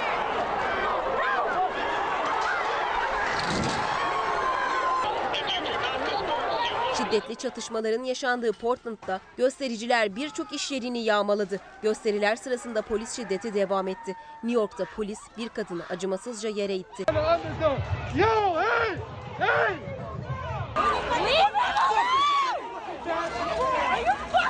Louisville polisi de plastik mermiyle bir haber ekibini hedef aldı.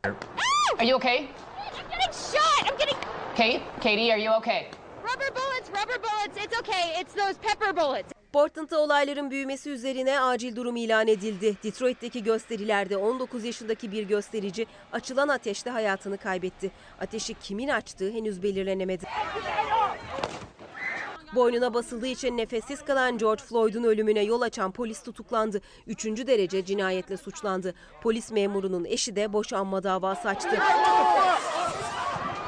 Gösteriler gece boyu da devam etti. Trump daha önce orduya hazır ol çağrısı yapmıştı. Washington'da dün gece asker sokağa indi. Arabalar yakıldı. Polis ve göstericiler arasındaki çatışma her dakika şiddetlendi.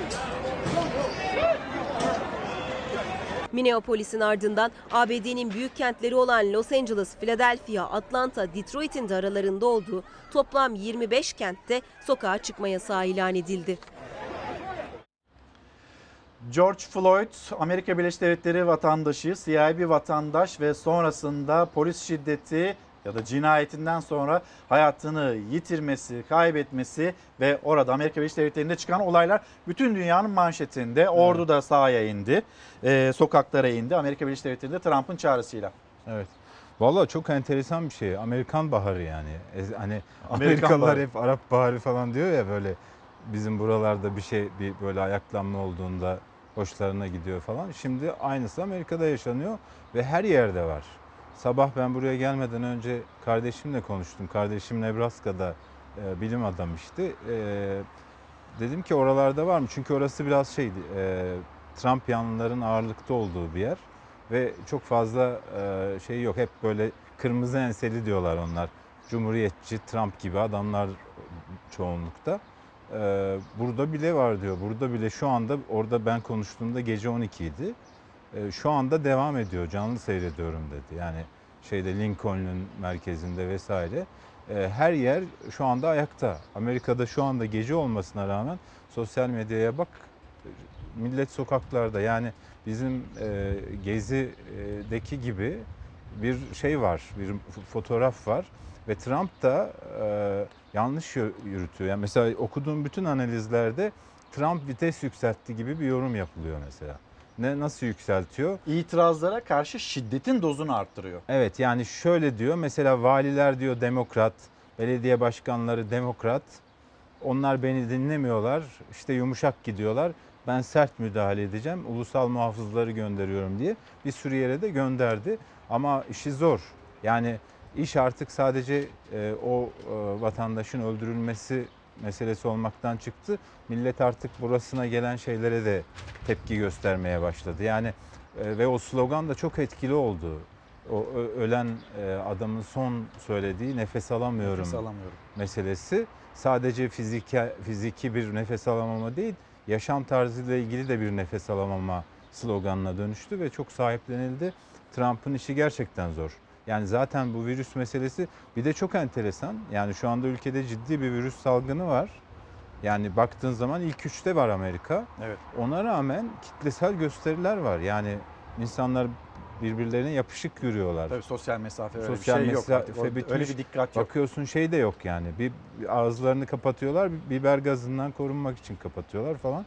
Ee, Amerika'yı çok etkiler bu.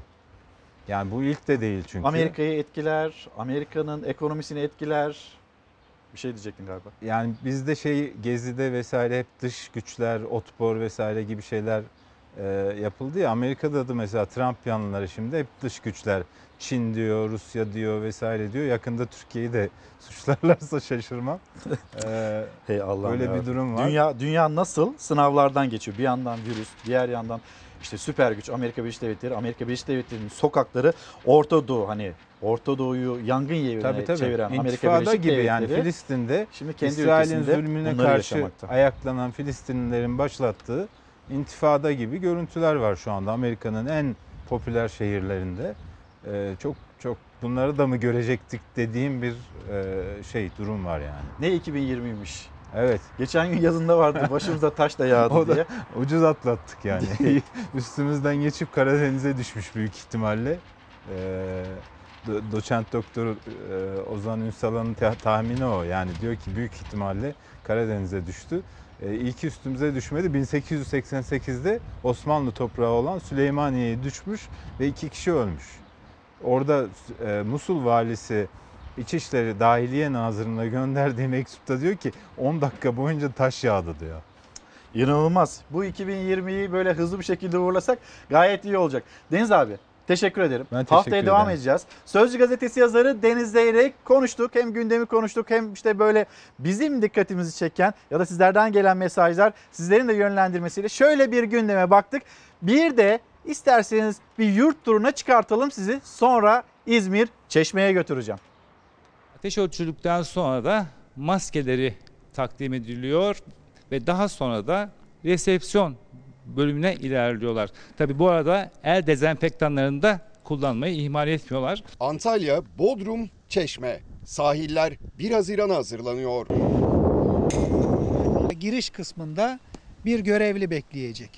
Görevli e, eğer maskeniz yok ise maske e, verecek size. Turizm sektörü Haziran ayı ile birlikte eski günlerine dönmek için gün saymaya başladı. Yasakların kaldırılmasının ardından birçok turizm bölgesinde hazırlıklar hızlandı. Her mesafe arasında 1,5 metrelik bir e, uyarı tabelasının arasında 1,5 metrelik bir mesafe var. Salgın sonrası yeni düzende müşterilerin sağlığı için birçok tedbir alındı. Müşteriler kumsala maskesiz giremeyecek. Sosyal mesafe kuralı geçerli olacak. Giriş ve çıkış noktaları ayrılacak burada. Neden? Karşılıklı teması engellemek maksadıyla. Antalya'nın Konyaaltı sahilinde sosyal mesafe ve hijyen kurallarına uygun olarak halk plajında düzenleme yapıldı. Plajda araları 1,5-2 metreyi bulan 9 metrekarelik özel alanlar oluşturuldu. Şezlong ve şemsiyeler de sosyal mesafe kuralına göre yerleştirildi. Deniz alanında da yüzme alanları sınırları içerisinde 2 ila 3'er metrelik mutlaka o mesafeleri koruma mecburiyetindeyiz. Burası da Çeşme'nin Ilıca plajı. Belediye ekipleri sahili 1 Haziran'a hazırladı. Sosyal mesafe locaları oluşturuldu. bir buçuk metre yandan önden de iki metre mesafede herkesin sosyal mesafesini koruyacağı şekilde hazırlıklarımızı e, bitirmek üzereyiz. Restoranlarda da benzer hazırlıklar vardı. İşletmeler masa ve sandalyeleri yeni düzene göre ayarladı. Mutfaklar, kullanılacak malzemeler dezenfekte edildi. Masalarımızda tuzluk yok. Kağıtta tuzluk var artık. Yani e, temasa dayalı hiçbir şeyi bırakmamaya özen gösteriyoruz. Çünkü bizim için artık müşterilerimizin sağlığı çok önemli. Ona dikkat ediyoruz. Her masada bir kolonya ve dezenfeksiyon e, ilacı olacak. Eğer maskesi olmayan müşteri varsa onlara birer de maske ikram edeceğiz. Salgın döneminde ihtiyaç sahiplerinin yardımına koşan Vefa Sosyal Destek Grubu bu kez Tunceli'de iş başındaydı. 81 yaşındaki Ziya Abay bahçesindeki kirazların toplanması için yardım istedi. 56'yı aradım. Geldiler kirazlarımı topladılar. Allah devletten razı olsun. Buyurun afiyet olsun. Efendim şimdi hemen sizleri bir çeşmeye götürelim. Normalleşme, normalleşme adımları atılırken aynı zamanda böyle önümüzdeki günler hava sıcaklığını daha da hissettirecek. Hissettirirken bizim tatille ilgili beklentilerimiz artacak. Tatile gitme isteğimiz e, olacak. Peki hangi önlemleri alacağız ya da buradaki belediye başkanları hangi önlemleri alıyorlar ya da bizler o tatili nasıl yapacağız? Denizde sosyal mesafe, sosyal mesafeye nasıl dikkat edilecek? Denizden bir bulaş imkanı var mı yok mu? Yetkililere soruyoruz, uzmanlara soruyoruz. Bir yandan da yerel belediyede işte belediye başkanlarının aldığı önlemleri konuşmak istiyoruz. Şimdi gidelim bir Çeş- Çeşme'ye. Çeşme'de bizi Çeşme Belediye Başkanı Ekrem Oran e, beklemekte. Hah, bir anda hazırlığı yapılıyor galiba. Şimdi özel bir yerden yayın gerçekleştireceğiz. Çeşme'nin bir plajından, o plajda alınan önlemlerden bahsedeceğiz. Şimdi Sayın Başkan duyabiliyor musunuz efendim beni? Ben sizi duyuyorum İlker Bey. Yeryüzündeki cennet Merhabalar. Çeşme. Merhabalar, günaydın. Merhaba, günaydın İlker Bey. Şimdi geliyor normalleşme, normalleşme ile ilgili adımlar atılacak. E, bu gece itibariyle, yarın itibariyle bir göç olacak kuşkusuz tatil beldelerine. Sizin hazırlığınız ne yöndedir? Bir yandan bu korona günlerini nasıl geçirdiniz? Kısaca bir dinleyebilir miyim? Tabii ki yeryüzündeki cennet ve Atatürk devrimleri Cumhuriyet'in demokrasi kalesi Çeşme'den herkese merhaba. Ee, İlker Bey, Çeşme Belediye Başkanı Evet. olarak Türkiye'deki e, kentinde koronavirüsü vakasını ilk açıklayan belediye başkanı benim. Bu açıklamadan sonra bazı tepkiler gelmiş olsa da biz Çeşme olarak açıkçası bu dönemi çok iyi ve minimum zararla atlattık. Kentimizde herhangi bir yoğun bakım yoğun bakım vakası olmadan e, iki elin parmakları kadar vakadan sonra şu anda sıfır vakaya çok şükür ulaştık. Tabii ki bunu kaymakamımız ve başhekimimizle beraber aldığımız önlemlere de borçluyuz. Çeşme ilk açıklanınca bu vakanın Çeşme'de olduğu çok sıkı tedbirler aldık ve e, hemşerilerim de benim büyük Çeşme ailemde bu tedbirlere harfiyen uydu. Dolayısıyla Çeşme tertemiz bir şekilde 1 Haziran'a ulaştı. Şimdi dediğiniz gibi 1 Haziran'dan sonra büyük bir göç bekliyoruz. Açıkçası bugün Çeşme'de normalde 44.500 nüfuslu Çeşme'de yaklaşık 200 bin nüfus var. Bunu neye göre ölçüyorsunuz Ekrem Başkan derseniz otobanımızdaki girişler ve çöp oranındaki çöpteki artıştan tır daha önce 2-2,5 tır çöp çıkarken Çeşme'de şu anda 9 tır çöpü yakalamış durumdayız. Ama 1 Haziran'a ne- nelerle hazır mısınız derseniz evet biz hazırız.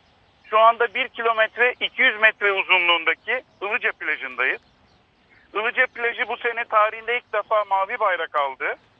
Ve e, sosyal mesafe localarımızla beraber bütün hazırlıklarımız tamam. Ücretsiz tuvaletlerimiz, duşlarımız, soyunma kabinlerimizle, her kapıda ateş ölçecek görevlilerimizle biz Ilıca plajında misafirlerimizi ağırlamaya hazır olduğumuz gibi Çeşme'nin bütün kamusal alanlarında, girişlerinde, çıkışlarında, Alaçatımızda, Çeşme'mizde, Dalyanımızda, çiftliğimizde, Ilıca'mızda, Ildırımızda, Germiyanımızda tüm ekiplerimizde hazırız ve biz sağlıklı günlerde sizleri ve çeşme sevenleri bekliyoruz.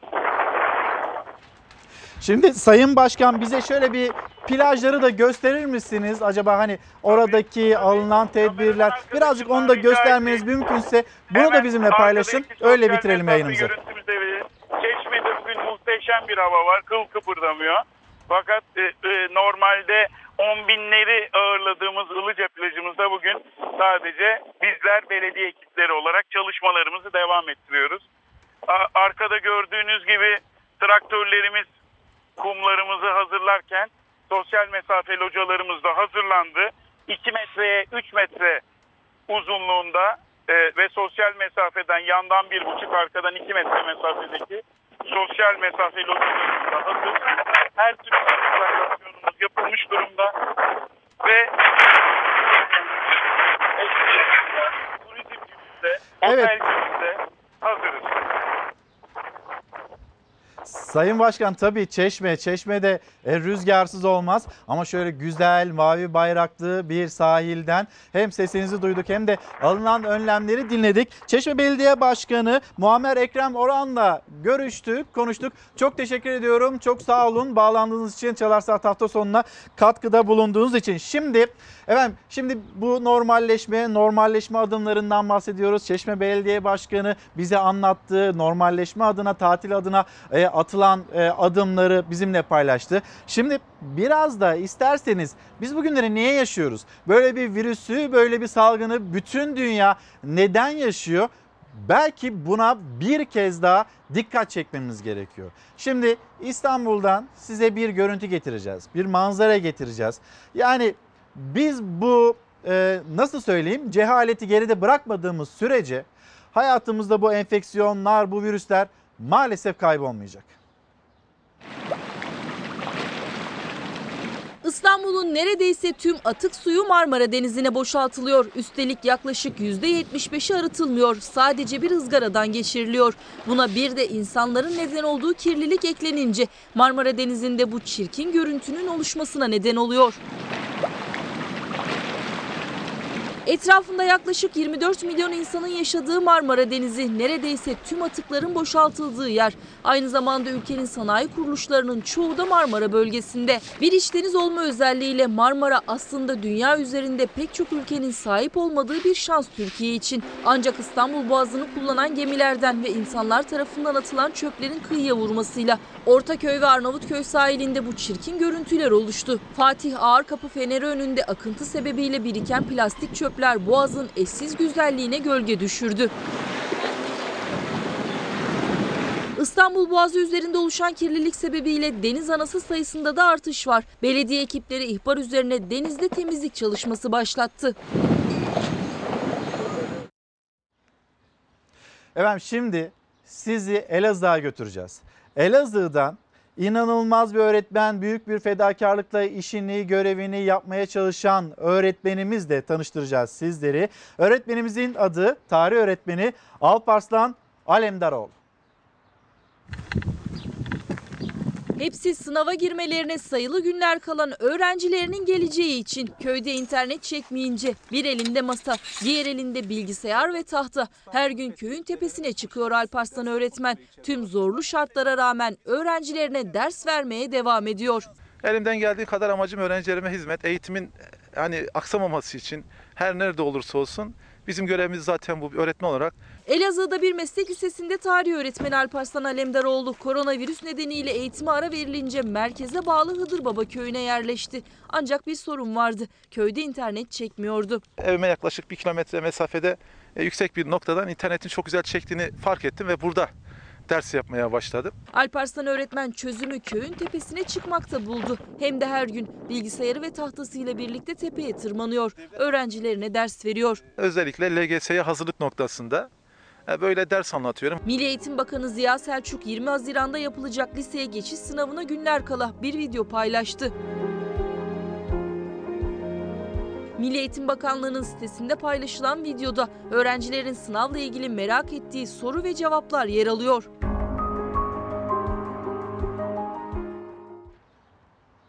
Efendim şimdi de Elazığ'dan bir Eskişehir'e gideceğiz.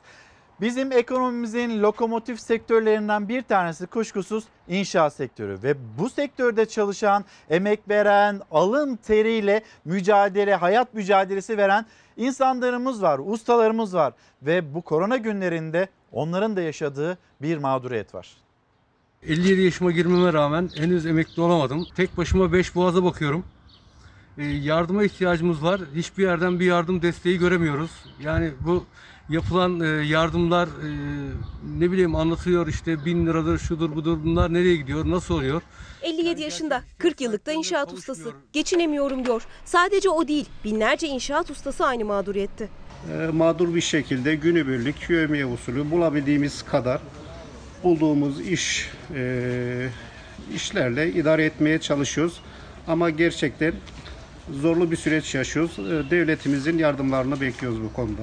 sigortasız çalışıyoruz şu anda da. Ama bize e, devletimiz bir yol göstermesi gerekiyor. Ay bazında 10 gün çalışıyorsak 20 gün evdeyiz. Kimi fayans, kimi alçıpan ustası. Senelerini ekonominin lokomotifi inşaat sektörüne verdiler kazançlarını, alın terlerini. Koronavirüs günlerinde ise yalnızız diyorlar. Çünkü bugüne kadar kayıtlar onları tutmadı. Sigortasız çalıştırıldılar. Yardıma ihtiyaçları olduğu günde yaşadıkları sorunlardan sistemin haberi olamadı. Devletin mutlaka bu dönem sigortaları olmadığı için hiçbir imkandan faydalanamayan bu ustalarımızın, bu emekçi e, kardeşlerimizin, arkadaşlarımızın, hemşehrilerimizin yanında olması lazım. Sayıları sadece Eskişehir'de, sadece Eskişehir'de binlerle ifade edilen e, bu değerli, deneyimli, tecrübeli e, ve alın terini bu şehir için, bu ülke için akıtan kardeşlerimizin yanında olmanın çarelerini bir an önce bulmak zorundayız. Kayıtlı bir çalışan olmayınca kısa çalışma ödeneğinden de günlük 39 liralık yardımdan da 1000 liralık desteklerden de faydalanamadılar. Sıkıntılarını CHP Eskişehir Milletvekili Utku Çakırözer'e anlattılar. Seslerini duyurmaya çalıştılar.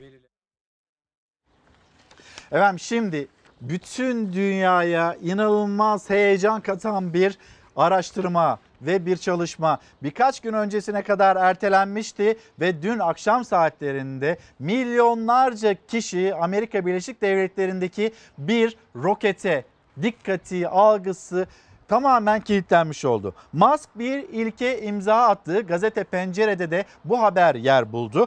Elon Musk'a ait SpaceX şirketinin Amerika Birleşik Devletleri Ulusal Havacılık ve Uzay Dairesi astronotları Doug Hurley ve Bob Behnken'i Uluslararası Uzay İstasyonu'na götüren Crew Dragon adlı uzay aracı fırlatıldı. Böylece özel sektör ilk kez uzaya insanlı bir araç göndermiş oldu. Şimdi aslında sadece devletlerin bu alanda bir tekeli vardı. Bakıyorsunuz Çin, Hindistan, Amerika Birleşik Devletleri devletlerin bu alanda böyle bir rekabet oluşturduğu yerdi uzay. Ama artık özel şirketlerde bu rekorda ya da bu rekabette ben de varım diyor.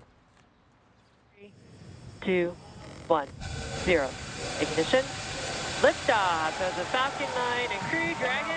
Go NASA. 30 Mayıs 2020 tarihe bir ilkin yaşandığı gün olarak geçti. Dünya nefesini tuttu. Elon Musk'ın SpaceX şirketinin iki Amerikalı astronotu uluslararası uzay istasyonuna taşıyacak olan roketinin fırlatılmasına kilitlendi. Roket başarıyla fırlatıldı. İki astronot şu anda uzayda. The dream. 20 seconds into flight, stage one propulsion is. Elon Musk'ın şirketi SpaceX bu başarılı fırlatmayla uzaya ilk defa insanlı uçuş gerçekleştirmiş oldu. Tarihte ilk kez de özel bir şirket uzaya insan yolladı. Falcon 9 roketi ve Crew Dragon isimli uzay mekiği dün Florida'daki Kennedy Uzay Merkezi'nden fırlatıldı. Fırlatmadan sonra astronotları taşıyan kapsülden ayrılan roketler Kennedy hava üssüne başarılı bir şekilde indi.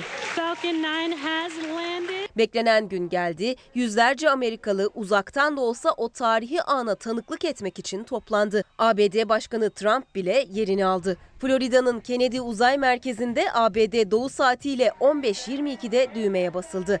Crew Dragon tarihi yolculuğuna başladı. Crew Dragon'un başarılı olması durumunda ABD topraklarından 9 yıl sonra ilk defa uzaya astronot gönderilmiş olacak. NASA 2011 yılından bu yana insanlı uçuş projesini askıya almıştı. Astronotlarını uzay istasyonuna Rusya'ya ait Soyuz araçlarıyla gönderiyordu. SpaceX başarılı olursa NASA'nın Rusya'ya astronot başına ödediği yaklaşık 85 milyon dolarlık masraftan kurtulması bekleniyor. Şimdi dünya raporu onu da paylaşacağız sizlerle ama Gazete Pencere ve Gazete Pencere'nin manşetinden de bir haber vermek istiyoruz. Neden bu kadar acele ediliyor? Acaba normalleşme adımları atılırken biraz böyle dikkatsiz ya da aceleci mi bir tavır içinde uyarılar var mesela Türk Tabipler Birliği'nden uyarılar var.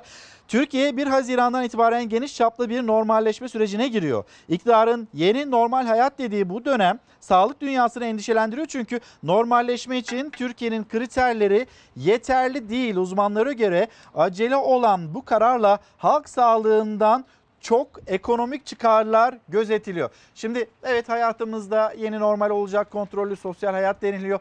Biz de bugün hani hatırla unutma geçmişte yaşadıklarımızı ya da geride bırakmaya çalıştığımız süreci unutma diyoruz. Sosyal mesafeye dikkat, maskeye e, mutlaka maskeyle sokağa çıkmamız gerekiyor ve kendimizi aynı zamanda büyüklerimizi etrafımızdaki kişileri korumamız gerekiyor ve hijyen kurallarına yine dikkat etmemiz gerekiyor. Bir kez daha bunu hatırlatarak isterseniz haberimize devam edelim acele bulunuyor. Mesela Türk Tabipler Birliği e, Başkanı tarafından Profesör Doktor Sinan Adıyaman tarafından yani biraz böyle ticari e, kaygılar düşünülerek adımların atıldığı söylenmekte. Dünya üzerinden de örneklemeler yapılmakta. Dünyanın nasıl normalleştiğinin de bilgisini paylaşalım. Güney Kore Sağlık Bakanlığı'ndan yapılan açıklamalar vaka sayısında artışlar yaşanınca yeniden onlar tedbirleri arttırmak durumunda kaldılar. 50 gün sonra ve günlük vaka sayısı 79 iken böyle adımlar atıyor Güney Kore. Yine Almanya kademeli olarak normalleşiyor. Ancak son olarak 26 Mayıs'ta Almanya federal hükümet ve eyaletler 5 Haziran'a kadar geçerli olması öngörülen temas kısıtlamalarının 29 Haziran'a kadar uzatılması konusunda anlaştılar. Almanya'daki vaka sayısının kaç olduğunu merak ediyorsanız bunun 134 olduğunu söyleyelim. İtalya'da toplam vaka sayısı 232.664. Dün tespit edilen yeni vaka sayısı 416. Hani bu salgının böyle ana noktalarından birisi haline, merkezi e, olan e, ülkelerden birisi haline gelmişti İtalya. İtalya'da 69 gün süren Covid-19 kısıtlamaları 18 Mayıs'ta kaldırılmıştı. 1 Haziran olarak yani e, restoranlar, kafeler, ibadethaneler bunların açılmasıyla ilgili bir e, karar da alınmıştı. Onlar yine de bir seyre bakacaklar. Günlük vaka sayısının da yine İtalya'da 414 olduğunu aktaralım. Gelelim dünya raporuna. Dünyada vaka sayısı 6 milyonu geçti. En fazla ölümün yaşandığı Amerika Birleşik Devletleri'nde Başkan Trump, Dünya Sağlık Örgütü ile ilişkiyi kesme kararı aldı. Önümüzdeki ay yapılması planlanan G7 Liderler Zirvesi'ni Eylül ayına erteledi. İki aydan fazla bir süre kapalı tutulan Kudüs'teki Mescid-i Aksa'da yeniden ibadete açıldı. Dünyada Covid-19'la mücadelede can kayıpları 365 bini aştı. Virüse yakalanan 2 milyon 500 bin kişi hastalığı yenmeyi başardı. Çinli bilim insanları maymunlar üzerinde denenen ve %99 oranında başarılı olan bir aşı bulduklarını öne sürdü. Henüz insanlar üzerinde denenmeyen aşının maymunları virüsten koruduğu savunuldu. Amerika Birleşik Devletleri'nde ölümler 104 bini aştı. Başkan Trump reform yapmamakla suçladığı Dünya Sağlık Örgütü ile ilgili kararını verdi. Tamamen Çin'in kontrolünde diyerek örgütle ilişkisini bitirdi. Trump, Dünya Sağlık Örgütü'ne ayrılan fonların başka sağlık kurumlarına aktarılacağını söyledi. Rusya ise Trump'ın açıklamasına tepki gösterdi. Dışişleri Bakanlığı Washington'ı uluslararası hukuka darbe vurmakla suçladı. Salgının merkez üssü halindeki Brezilya'da son 24 saatte 1124 kişi daha yaşamını yitirdi. Can kayıpları 28 bine yaklaştı. Hindistan'da bir gün içinde 8 bin yeni vaka tespit edildi. Avrupa'da normalleşme süreci sürüyor. Tedbirlerin gevşetilmeye başlandığı Fransa'da halk parklara, İngiltere ve İtalya'da ise plajlara akın etti. Güneşin tadını çıkardı. Yunanistan 15 Haziran'dan itibaren turistleri kabul edeceği 29 ülkeyi açıkladı. Kuzey Makedonya, Arnavutluk ve Bulgaristan'ın da bulunduğu listede Türkiye yer almadı. Yunanistan Dışişleri Bakanı listenin Temmuz ayında yeniden güncelleneceğini duyurdu. Dünyanın korona e, tablosu bu şekildeydi. Birazdan ekonomi tablosuna da bakacağız hep birlikte. E, burada hani Türkiye'nin büyüme rakamları açıklanıyor. İlk çeyrekte %4,5 oranında büyüdüğümü söylenmekte. Veysel Hocam, Veysel Ulusoy'dan bir analiz isteyeceğiz. Aynı zamanda Profesör Doktor Yalçın Karatepe kendisinin de bütün dünyada küresel anlamda ekonomik olarak bir depresyonun yaşandığı bilgileri paylaşılıyordu. Onun değerli bilgileri birazdan bu haberi de paylaşacağız. Ama önce İlker amcam benim doğum günümü niye kutlamadı diye soran bizim dünyalar güzeli dünyamız var. Dünyanın bir doğum gününü kutlamak istiyorum. Ne demek doğum gününü kutlamak, kutlamamak? Dünyacım doğum günü kutlu olsun. İşte şu anda sizi de Dünya ile Dünya Kerimoğlu ile tanıştırmış olayım. Hem böyle kendisinin tek başına fotoğrafı var hem de Yine dünyalar güzeli kardeşin nefesine de sarılmış. Bizi izliyorlar. Çalar Saat hafta sonunu dikkatle takip ediyorlar. Doğum gününü kutlar mısın İlker amca demiş. Elbette kutlarım. Dünyacım iyi ki doğdun. İyi ki bizimlesin. Güzel bir hayatın ömrün olsun. Elbette bugün doğum gününü kutlayan tüm e, izleyicilerimizin herkesin de doğum gününü kutluyoruz. Bu arada Muharrem Doğru mesaj göndermiş. Küçük kızının bir operasyonu vardı. Bir süredir de takip ediyorduk aslında. E, bu operasyonun nasıl geçeceğini merakla bekliyorduk. Küçük kızımızın yine e, bu operasyonun çok güzel geçtiğinin bilgisini paylaşıyor. Muharrem Doğru. Yani zaman zaman tatsız haberler paylaşıyoruz ama yine güzel haberler de geliyor ve bu haberleri de sizlere ulaştırmak, sizlerle buluşturmak istiyoruz. Ve şimdi isterseniz yavaş yavaş ekonomi başlığına bir geçelim. Küresel anlamda bütün dünyada ekonomi ne durumda? Nakit akışının yavaşladığı salgın günlerini Amerikalı ekonomist Rubin'i değerlendirdi. Ekonomi depresyonda çıkması da uzun süreceğe benziyor dedi. Profesör Doktor Yalçın Karatepe'ye göre de salgının dünya ekonomisine etkileri uzun sürecek. İçinde bulunduğumuz krizin ekonomik etkilerinin uzunca bir süre devam etmesini beklemek hiç şaşırtıcı olmayacak. Bu özellikle bizim gibi gelişmekte olan ülkeler açısından daha önemli bir risk oluşturuyor. Milyonların eve kapandığı, çarkların durma noktasına geldiği, ulaşım araçlarının dahi kullanılamadığı zor günlerden geçiyor dünya. Daha önce hiç böyle bir şey görmedik. Büyük buhranda bile.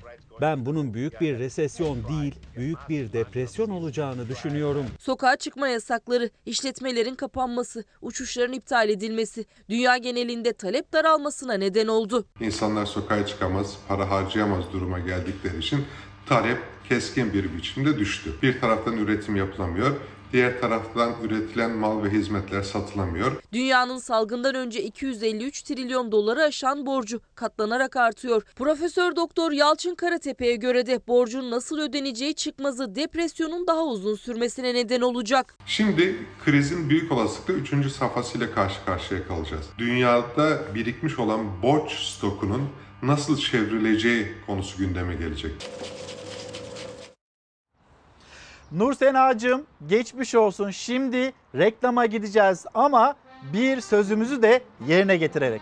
Havasına,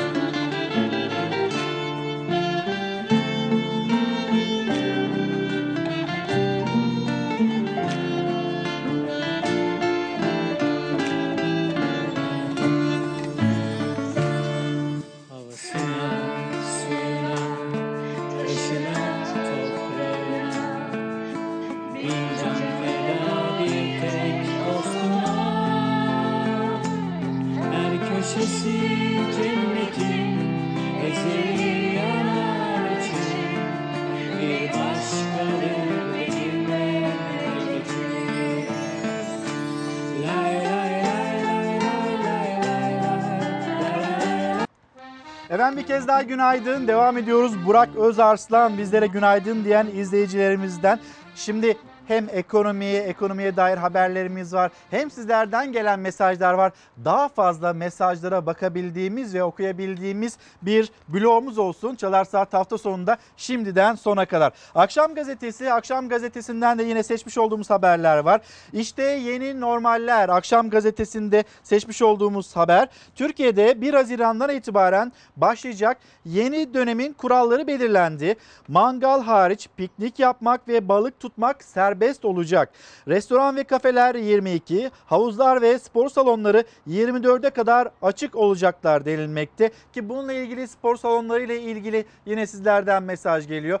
Mesaj gönderiyorsunuz ama direkt mesaj şeklinde hani mesaj kutuma gönderdiğiniz mesajlar oraya çok fazla bakamıyorum. Elimden geldiğince reklam aralarında görmeye çalışıyorum ama Instagram'da koymuş olduğum o fotoğraf, o fotoğrafın altına mesajlarınızı gönderirseniz çok daha böyle hızlı bir şekilde görebilme imkanım da olacaktır. Eğlence yerlerinde iskambil, okey, tavla ve nargilenin yine yasak olduğu bilgisi, temas olacak şekilde dans ve müzik yayını olmayacak. Yani aslında bu normalleşme süreci içinde dün burada hocamız da Esin Davutoğlu Şenol da söyledi. Yine bilim kurulundaki hocalarımız da, Sağlık Bakanı Fahrettin Koca da hep aynı şeyi söylüyor.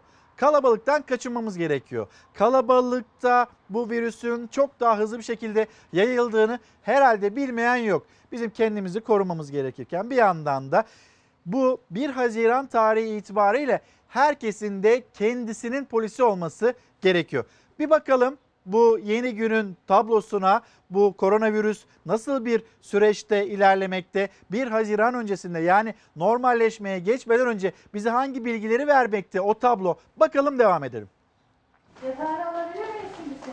binin altına düştüğünde bu düşüş nihai başarının işaret fişeği olacaktır. Koronavirüsle mücadelede tablodaki son rakamlar umut vaat ediyor. Yeni vaka sayısı tekrar binin altına indi. 30 Mayıs'ta 983 kişiye teşhis konuldu. 26 kişi hayatını kaybetti. Toplam vefat sayımız 4515 oldu. İyileşen hasta sayısı ise 127 bine yaklaştı. Sağlık Bakanı Fahrettin Koca gelecek günler el hijyenine, özene, maske ve sosyal mesafe kuralının ikisine birlikte uymamıza bağlı. Daha sıkı tedbir daha iyi sonuçtur dedi. Şehirler arası seyahat sınırlaması 1 Haziran'dan itibaren tamamıyla kaldırılmıştır. Pazartesi itibariyle hayatımız bir nebze olsun eski haline dönecek. Normalleşme adımları hız kazandı. İçişleri Bakanlığı 81 il valiliğine şehir giriş çıkış seyahat kısıtlaması konulu genelge gönderdi. Gelişmeleri takip ederek olumsuz bir durum görmemiz halinde bazı illerimiz için bu kısıtlamayı yeniden getirebiliriz. Genelge kapsamında 14 büyük şehir ve Zonguldak olmak üzere toplam 15 ildeki şehir giriş çıkış kısıtlaması bugün saat 24 itibariyle sonlanıyor. Şehirler arası toplu ulaşım araçlarıyla yapılacak seyahatlerde HES uygulaması üzerinden kod alındıktan sonra biletleme yapılacak. 65 yaş ve üzeri vatandaşlar seyahat izin belgesi ve gidecekleri illerden en az bir ay boyunca dönmemek şartıyla seyahat edebilecek. Sokağa çıkma kısıtlaması devam eden 18 yaş ve altı çocuklarsa yanlarında veli bulunması şartıyla seyahat izin belgesi almadan yolculuk yapabilecek. İçişleri Bakanlığı lokanta, restoran, kafe gibi iş yerleri, park, piknik alanları, mesire yerleri ve giyim pazarları hakkında da 81 il valiliğine genelge gönderdi. Park, bahçe, piknik alanları, mesire yerleri, plajlar yarın itibariyle açılıyor. Ama kalabalıkların bulunabileceği böyle yerlerde iskambil, okey, tavla oynanamayacak. Nargile satışları yapılamayacak. Dans ve oyun amaçlı canlı müzik faaliyetleri yapılamayacak. Sosyal mesafeye dikkat edilecek. Pazarlarda sergi ve tezgahlarda giyim, oyuncak, süs eşyası, çanta gibi zaruri olmayan ihtiyaç maddelerinin satışı mesafe şartlarına uyularak başlayacak. Spor salonlarıyla yüzme havuzu, kaplıca, hamam, sauna, spa merkezleri de açılıyor. Restoran ve kafelerde sosyal mesafe ve hijyen kurallarına uymak şartıyla yeniden müşteri ağırlamaya hazırlanıyor. Genelgede iş yerlerinin paket servis ya da gel al benzeri şeklinde çalışabilecekleri anımsatıldı. Masalarda özel kumaşlar yaptırdık sosyal mesafeyi korumak için. Restoranlardaki en önemli düzenleme oturma düzeniyle alakalı. Aradaki masalar işte böyle örtülerle kapatıldı ki o masalara oturulmasın diye. Oturulabilir masalara da baktığımız zaman 4 kişilik sandalyeler ikiye indirildi ve ancak çapraz şekilde oturabilecek müşteriler. Kapılara iki tane dezenfektan insanlar girdiklerinde ellerini dezenfekte ederek girecekler içeriye. Tek kullanımlık ketçap, mayonez, tuz, biber, baharat, lavabolar dezenfektanlarla her gün temizlenecek. İlaçlama yapıldı tamamen. Personelimiz maske kullanacak. İç hat uçuşlarının ise 4 Haziran'da başlayacağı duyurulmuştu, öne çekildi. Türk Hava Yolları ilk seferini pazartesi günü saat 10'da İstanbul'dan Ankara'ya yapacak. Ulaşımda alınan kararlardan biri de İstanbul'da adalara giriş çıkışın durdurulmasıydı. Pazartesi o yasakta kalkıyor. Tarihi kapalı çarşıda 1 Haziran'a hazırlanırken belki de son kez meydanlar sokak hayvanlarının ve kuşlarındı. Mersin'den de bu ilginç görüntü geldi. Mersin Büyükşehir Belediyesi 65 yaş üstündekilere günlük olarak yemek hizmeti sunuyor. Yemekler Büyükşehir'in aşhanesinde şarkılar ve türküler eşliğinde pişiyor.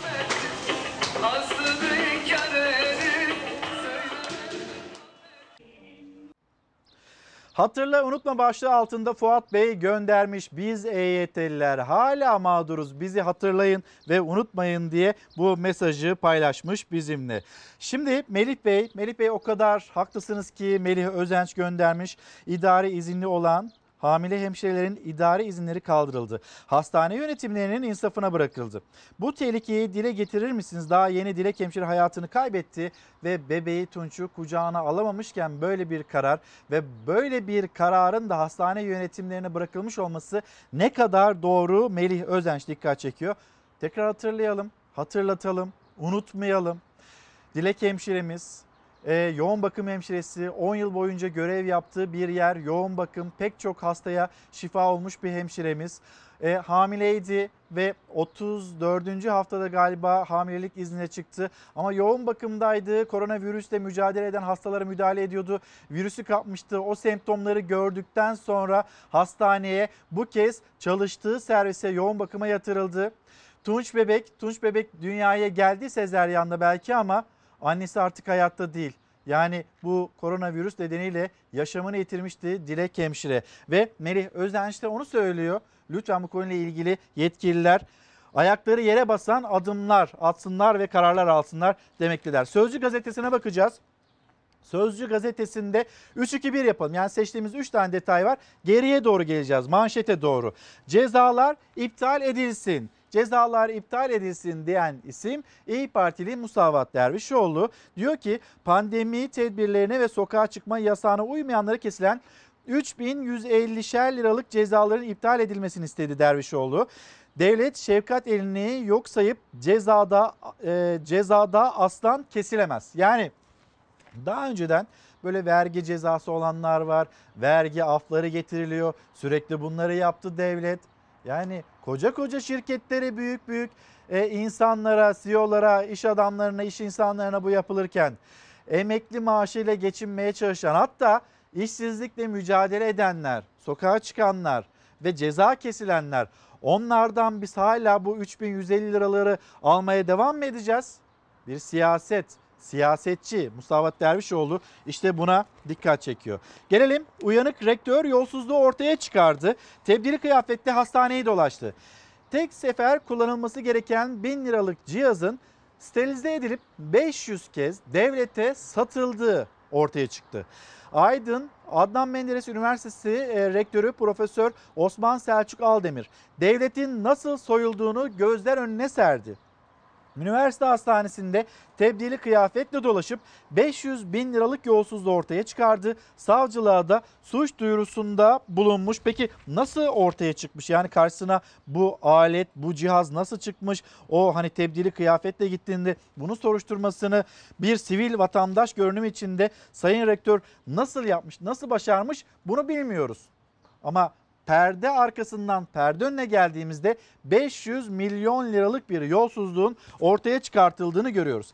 Misafirliğe davet et sonra 500 bin liralık. Misafirliğe davet et sonra komşuya git. Televizyonda konuşturulmayan Muharrem İnce sözcüye konuştu.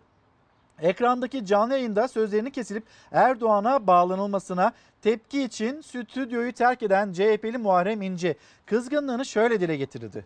Bana yapılan şuna benziyor. Seni akşam bize misafirliğe çağırıyorum. Sonra da seni bırakıp karşı komşuya gidiyorum. Beni davet ediyorsan beni bekletip Erdoğan'ı vermezsin. Zaten 35-40 kanal Erdoğan'ı yayınlıyor Böyle yapmayın diyor Muharrem İnce. Bu durum medya düzeninin sonucu. Programda kalsaydım şunu anlatacaktım. Almanya pandemi için 750 milyar euro paket açıkladı. Bizim 1 trilyon liralık paket açıklamamız gerekirdi ama açıklanan 250 milyar göz boyaması yapılıyor. Şimdi bu açıklanan 250 milyar ama çarpan etkisi haftadan haftaya arttı biliyorsunuz. Çarpan etkisiyle 600 milyar lirayı bulduğu söylendi Hazine ve Maliye Bakanı Berat Albayrak tarafından. Gelelim Cumhurbaşkanlığından e, Muharrem İnce'nin itirazlarına dair yapılmış olan e, açıklamaya İletişim Başkanı Fahrettin Altun İnce'nin Erdoğan'a ve medya düzenine yönelik sözlerine yanıt verdi. Şunları söylüyor Fahrettin Altun. Cumhurbaşkanımız hakkında haksız ve ağır ithamlarda bulunarak takındığı tavır kabul edilemez.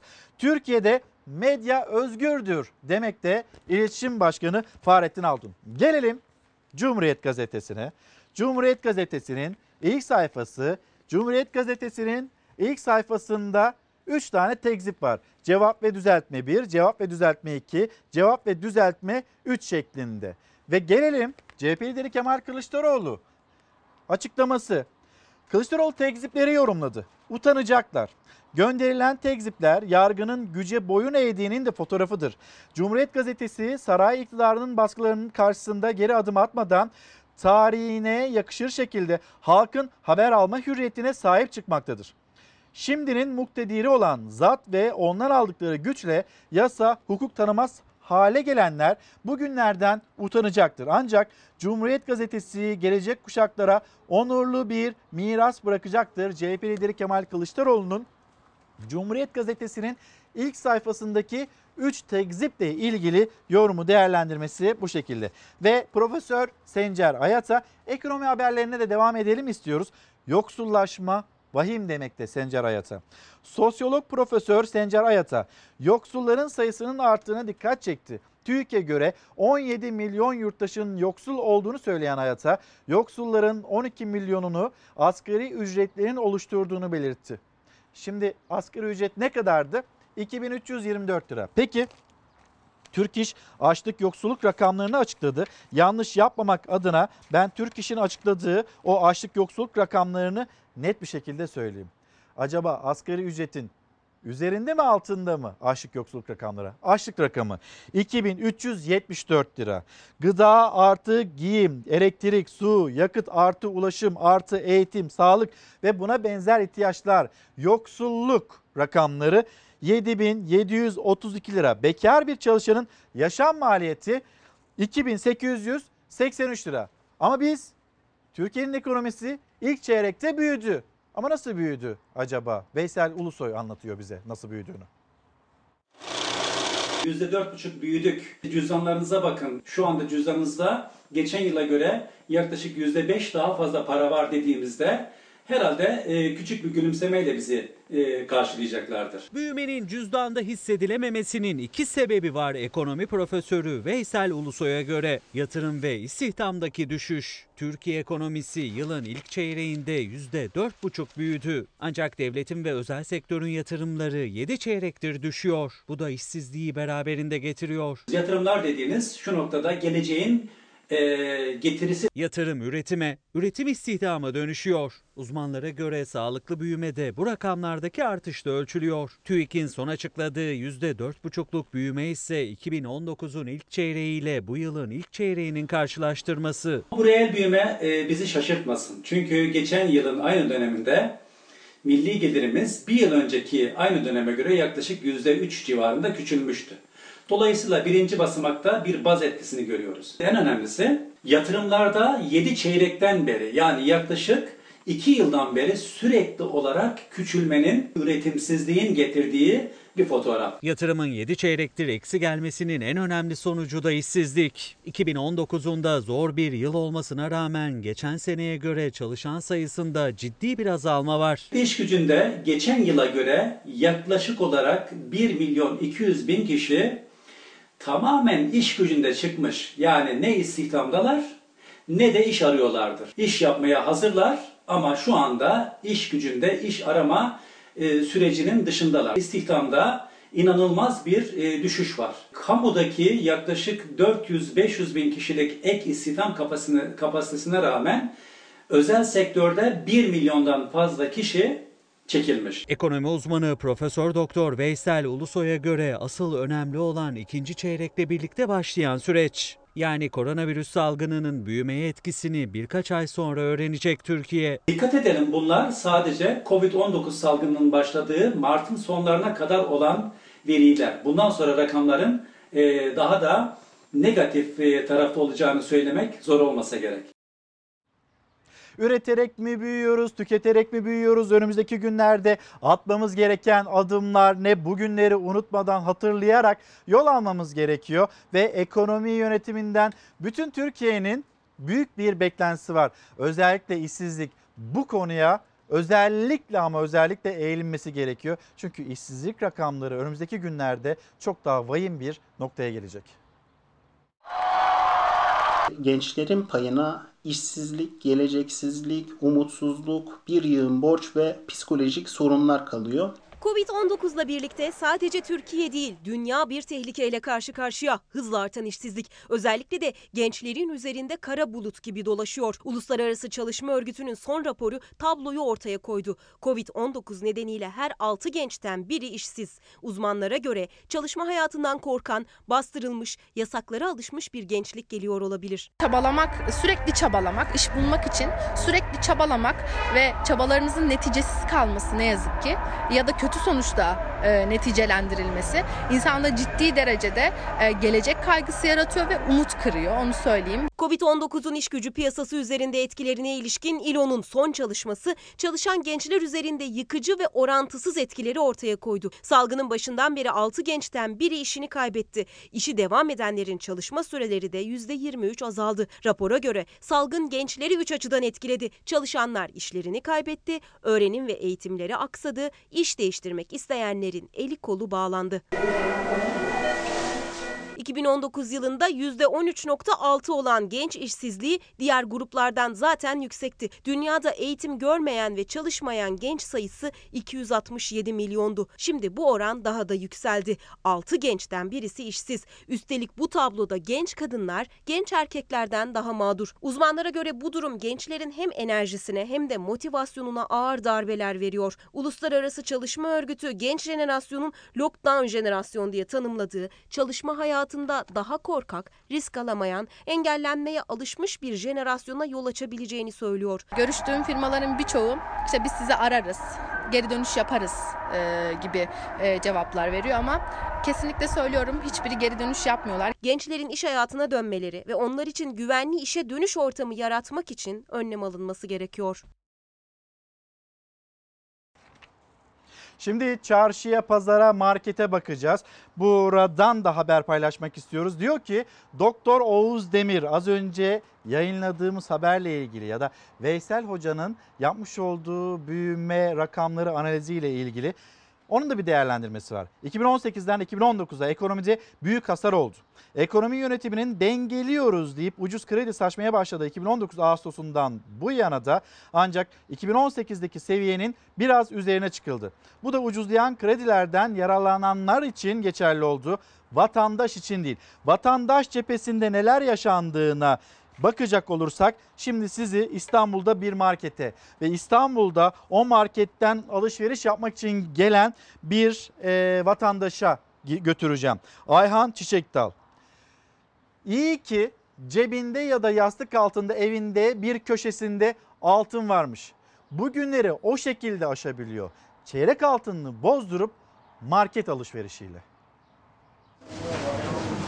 Son güne kalmışsınız. Evet, biraz öyle oldu. Neden? İş yok, para yok. Para gelmesini bekledim ama gelmedi yani.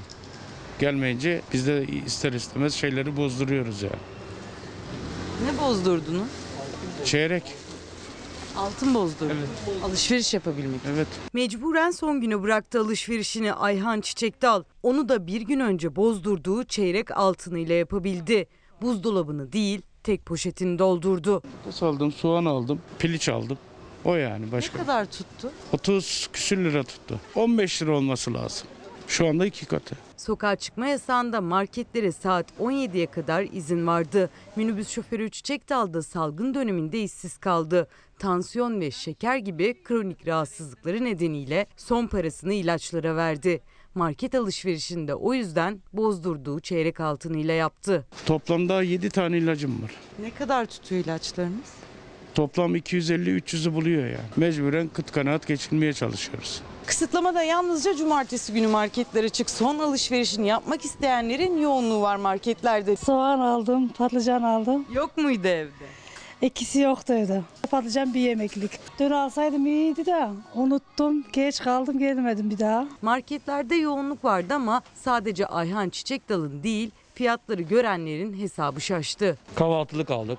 Ne kadar tuttu toplam alışveriş? 55 TL tuttu. Nasıl buldunuz fiyatları? Tabii ki pahalı. Her şeye geldi zam. Haftalık 300-350 lira tutar. Çık- çıkıyor genelde. Virüsten korunmak için bağışıklık sistemini güçlendirmek lazım. Bunun için de önemli olan aslında protein tüketmek ama bakliyatlara da talep arttı. Nohutun kilosu 7.49, yeşil mercimeğin kilosu 9.99, kuru fasulyenin kilosu 10 ila 13 lira arasında değişiyor. Pirincin kilosu ise 10 lira 99 kuruştan satılıyor. Artık haftalık alışverişe 100 lira yetmiyor. Haftada 2-3 kere çıkıyorsun. 200-300 TL'imiz gidiyor yani. Hep gıda yani başka bir şey yok. Başka bir şey alamıyoruz zaten.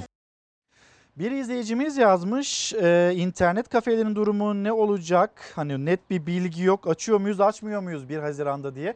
Şimdi hani bununla ilgili internet kafelerle ilgili kafeler, restoranlar vesaire onlarla ilgili e, atılan adımlar var 1 Haziran tarihiyle ilgili.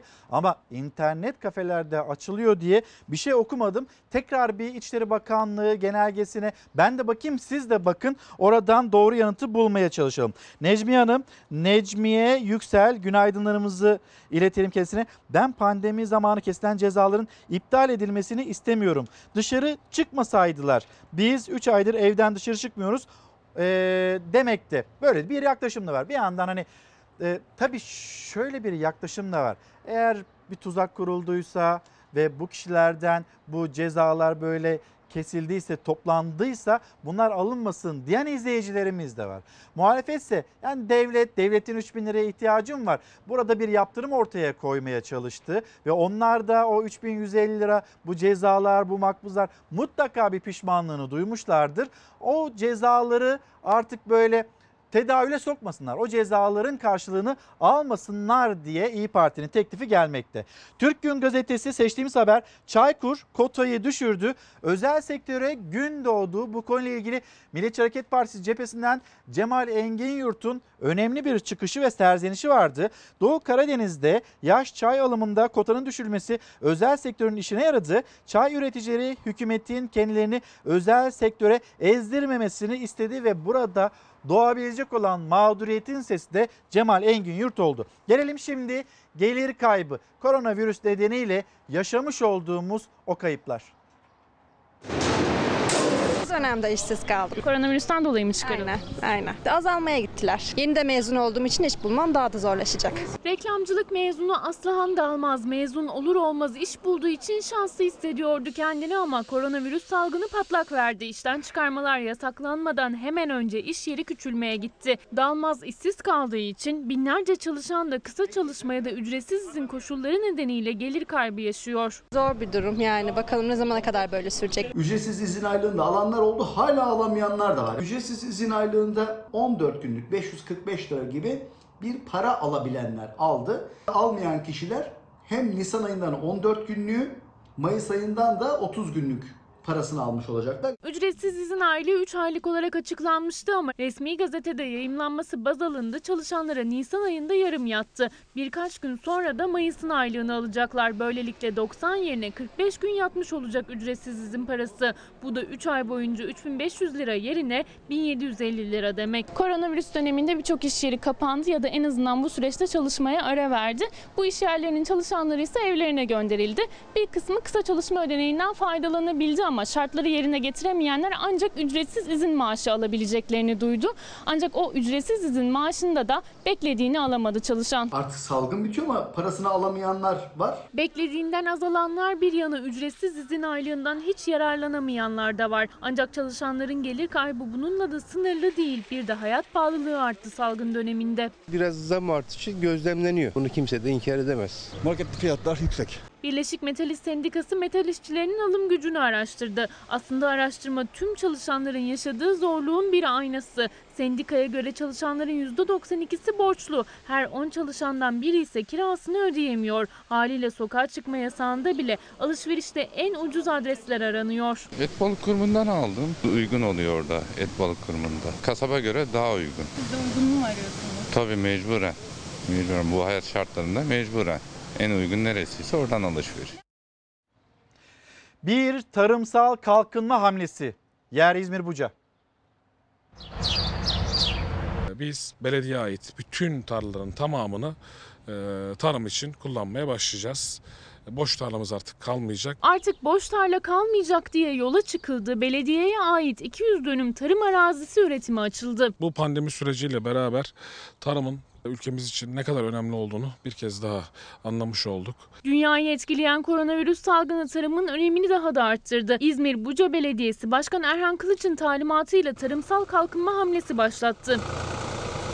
Bu bölgede yaşayan e, çiftçi vatandaşlarımızın da e, tarlaların boş kalmaması için e, onlara ön ayak olmaya çalışacağız. İzmir'in en kalabalık ilçesi olan Buca'da belediyeye ait 200 dönüm tarıma kazandırıldı. İlk aşamada arazinin 16 dönümüne domates, biber ve patlıcan ekildi. Şu an gayet iyi, bağımız iyi. E, yeni suladık. Çok hastalık falan da yok. Bu yıl ciddi güzel bir e, gelir bekliyoruz. Ciddi bir e, mahsul olacak gibi görünüyor. E, buradan çıkan mahsulü de e, Bucalı vatandaşımıza, Bucalı'nın malını Bucalı vatandaşımıza dağıtacağız. Başkan Kılıç bağcılık kültürünü yeniden canlandırmak için kurulan üzüm bağını da ziyaret etti. Mahsulün Bucalılara dağıtılacağını müjdeledi. Şu taraf komple Şiraz. Çiftçilerin sorununa da değinen belediye başkanı tarım üretimini arttırmak için gerekli tüm adımların atılacağını vurguladı. Yeraltı su kaynaklarının çıkarılması için elektriğe ihtiyaçları var, trafoya ihtiyaçları var. Onlarla ilgili gerekirse bir çalışma yapacağız. Burada çok ciddi verimli topraklar var. Bunları en iyi şekilde değerlendirmek istiyoruz. Bir türlü geride bırakamadığımız bir gündem. Kadına yönelik şiddet. Kurban olurum sana diye. Gecede inşallah. Çocuklarımı da beni de rahat bıraksın istiyorum. Yani hatta keşke görmese çocuklarını. Yani Şiddet, görmese. tehdit yıllarca sürdü. Artık ölüm korkusu yaşamak istemiyorum diyen gözü yaşlı kadın ailesine sığındı. Ben ben her gün bu şiddete maruz kalmak istemiyorum. Şu süreç biraz bir an önce bitsin istiyorum. Başka hiçbir şey istemiyorum. Çocuklarım artık korkuyor. Zil çalıyor, çocuğum korkuyor. Sosyolog Şeyma K. 10 yıl önce aynı iş yerinde çalıştığı Kenan K. ile dini nikah kıyarak birlikte yaşamaya başladı. Genç kadın iddiaya göre kısa süre sonra Kenan K'dan şiddet gördü. Ocaktan beri sürekli uzaklaştırması var. Ama her gün Sürekli de ihlalde. Haftanın üç günü burada. Şeyma K. ikinci çocuğuna hamileyken baba evine döndü. Bu süre içinde cezaevine girip çıkan Kenan K. eşinin peşini bırakmadı. Genç kadının yaşadığı yeri bulup tehditler savurdu. Üstüme defalarca borç yaptı. Hala borçlarını ödüyorum. 31 yaşındaki kadın imam nikahlı eşini birçok kez polise şikayet etmesine rağmen sonuç alamadı. Kenan K. son olarak cep telefonu mesajlarıyla Şeyma K. ve ailesini ölümle tehdit etti. Ocaktan beridir davacı ve şikayetçiyim ama hiçbir sonuç alamıyorum. Ee, Binlerce e, tehdit içerikli mesajlarını karakola verdim. Anneme yazdıklarını verdim. Babama yazdıklarını verdim. Ama hala sonuç alamıyorum. Şeyma K. kendisine ve çocuklarına zarar vermesinden korktuğu Kenan K. hakkında uzaklaştırma kararı alsa da ölüm tehditleri sürdü. İfade veriyorum benden önce çıkıyor. Yani ailemin numarasını değiştiriyorum. Bir şekilde buluyor. Kızına ve torunlarına sahip çıkan Şeyma K.'nın annesi de yetkililerden yardım istedi. Ya pıstırılmış kadınların kanıyla beslenen bir vampirle uğraşıyoruz. Kurban olurum sana diye. Şimdi sizi harika bir kliple, harika bir şarkıyla reklamlara ulaştıracağız. Ne diyordu Sağlık Bakanı Fahrettin Koca? Normalleşeceğiz, normalleşmemiz gerekiyor. Hani bir yandan uyarı yaparken bir yandan normalleşmeden bahsediyoruz ama yine de en güvenli yer olarak neresi gösteriliyor? Ev. Yani sanatçılarımız da diyor ki o zaman evde kal. Çıkabilirim, gezebilirim, birileri iki kere dönebilirim. Ama doğru olan bu odada daha kalabilirim. Sıkılıyoruz, bunalıyoruz, gece gündüz kalıyoruz dedikodusuz. Makyaj yapıp saç boyamak, kaş boyamak evde ucuz. Çarşı pazar yorucu olur, iyi dostun telefon olur. Tek gerçeğim izolasyon, yoksa bulaşır enfeksiyon. Vitamin D, vitamin C, çinkolu demirli vitamin D. Bağışıklık sistemime daha nasıl bakabilirim? Manikürümü, kuaförümü, bağlayı unuttum gerçek yüzümü. Kırlara çıkıp toplamak istiyorum çoban üzümü. Çarşı pazar... Efendim bir kez daha günaydın. Çalar Saat hafta sonuna nokta koyma vakti geldi. Gelen kitaplarımız var. Onları da göstereyim sizlere. Cihat Şerbetçioğlu Çalındı Vicdan Tutmuyor Merhametin Mayası bizimle paylaşıyor. Aslında daha önce çıkan şiir kitaplarının bir derlemesini aktarmış ve bizimle paylaşmış. Akif Manaf ahlak nedir ve nasıl ahlak üstü olunur demekte bunu sorgulamakta. Mürşit Hasan Reyhanoğlu'nun kitabı Hayata dair tüm sualler, esrarına dair bütün merak bir vehimden ibaretmiş. Hayat biz ne yaşarsak, ömür biz ne hatırlarsak oymuş meğer diyor Mürşit'te. Ve Türk milletine briefing tabip Deniz Tabip Albay, operatör doktor Aytekin Ertuğrul enflasyon, işsizlik, korona için Türk milletine briefing adlı kitabını aktardı. Biz de sizlerle buluşturduk ve kapatırken her zamanki gibi teşekkürümüz sizlere. Bizi izlediğiniz için teşekkür ederiz. Güzel bir gün olsun. Lütfen tedbiri elden bırakmayalım. Hoşçakalın.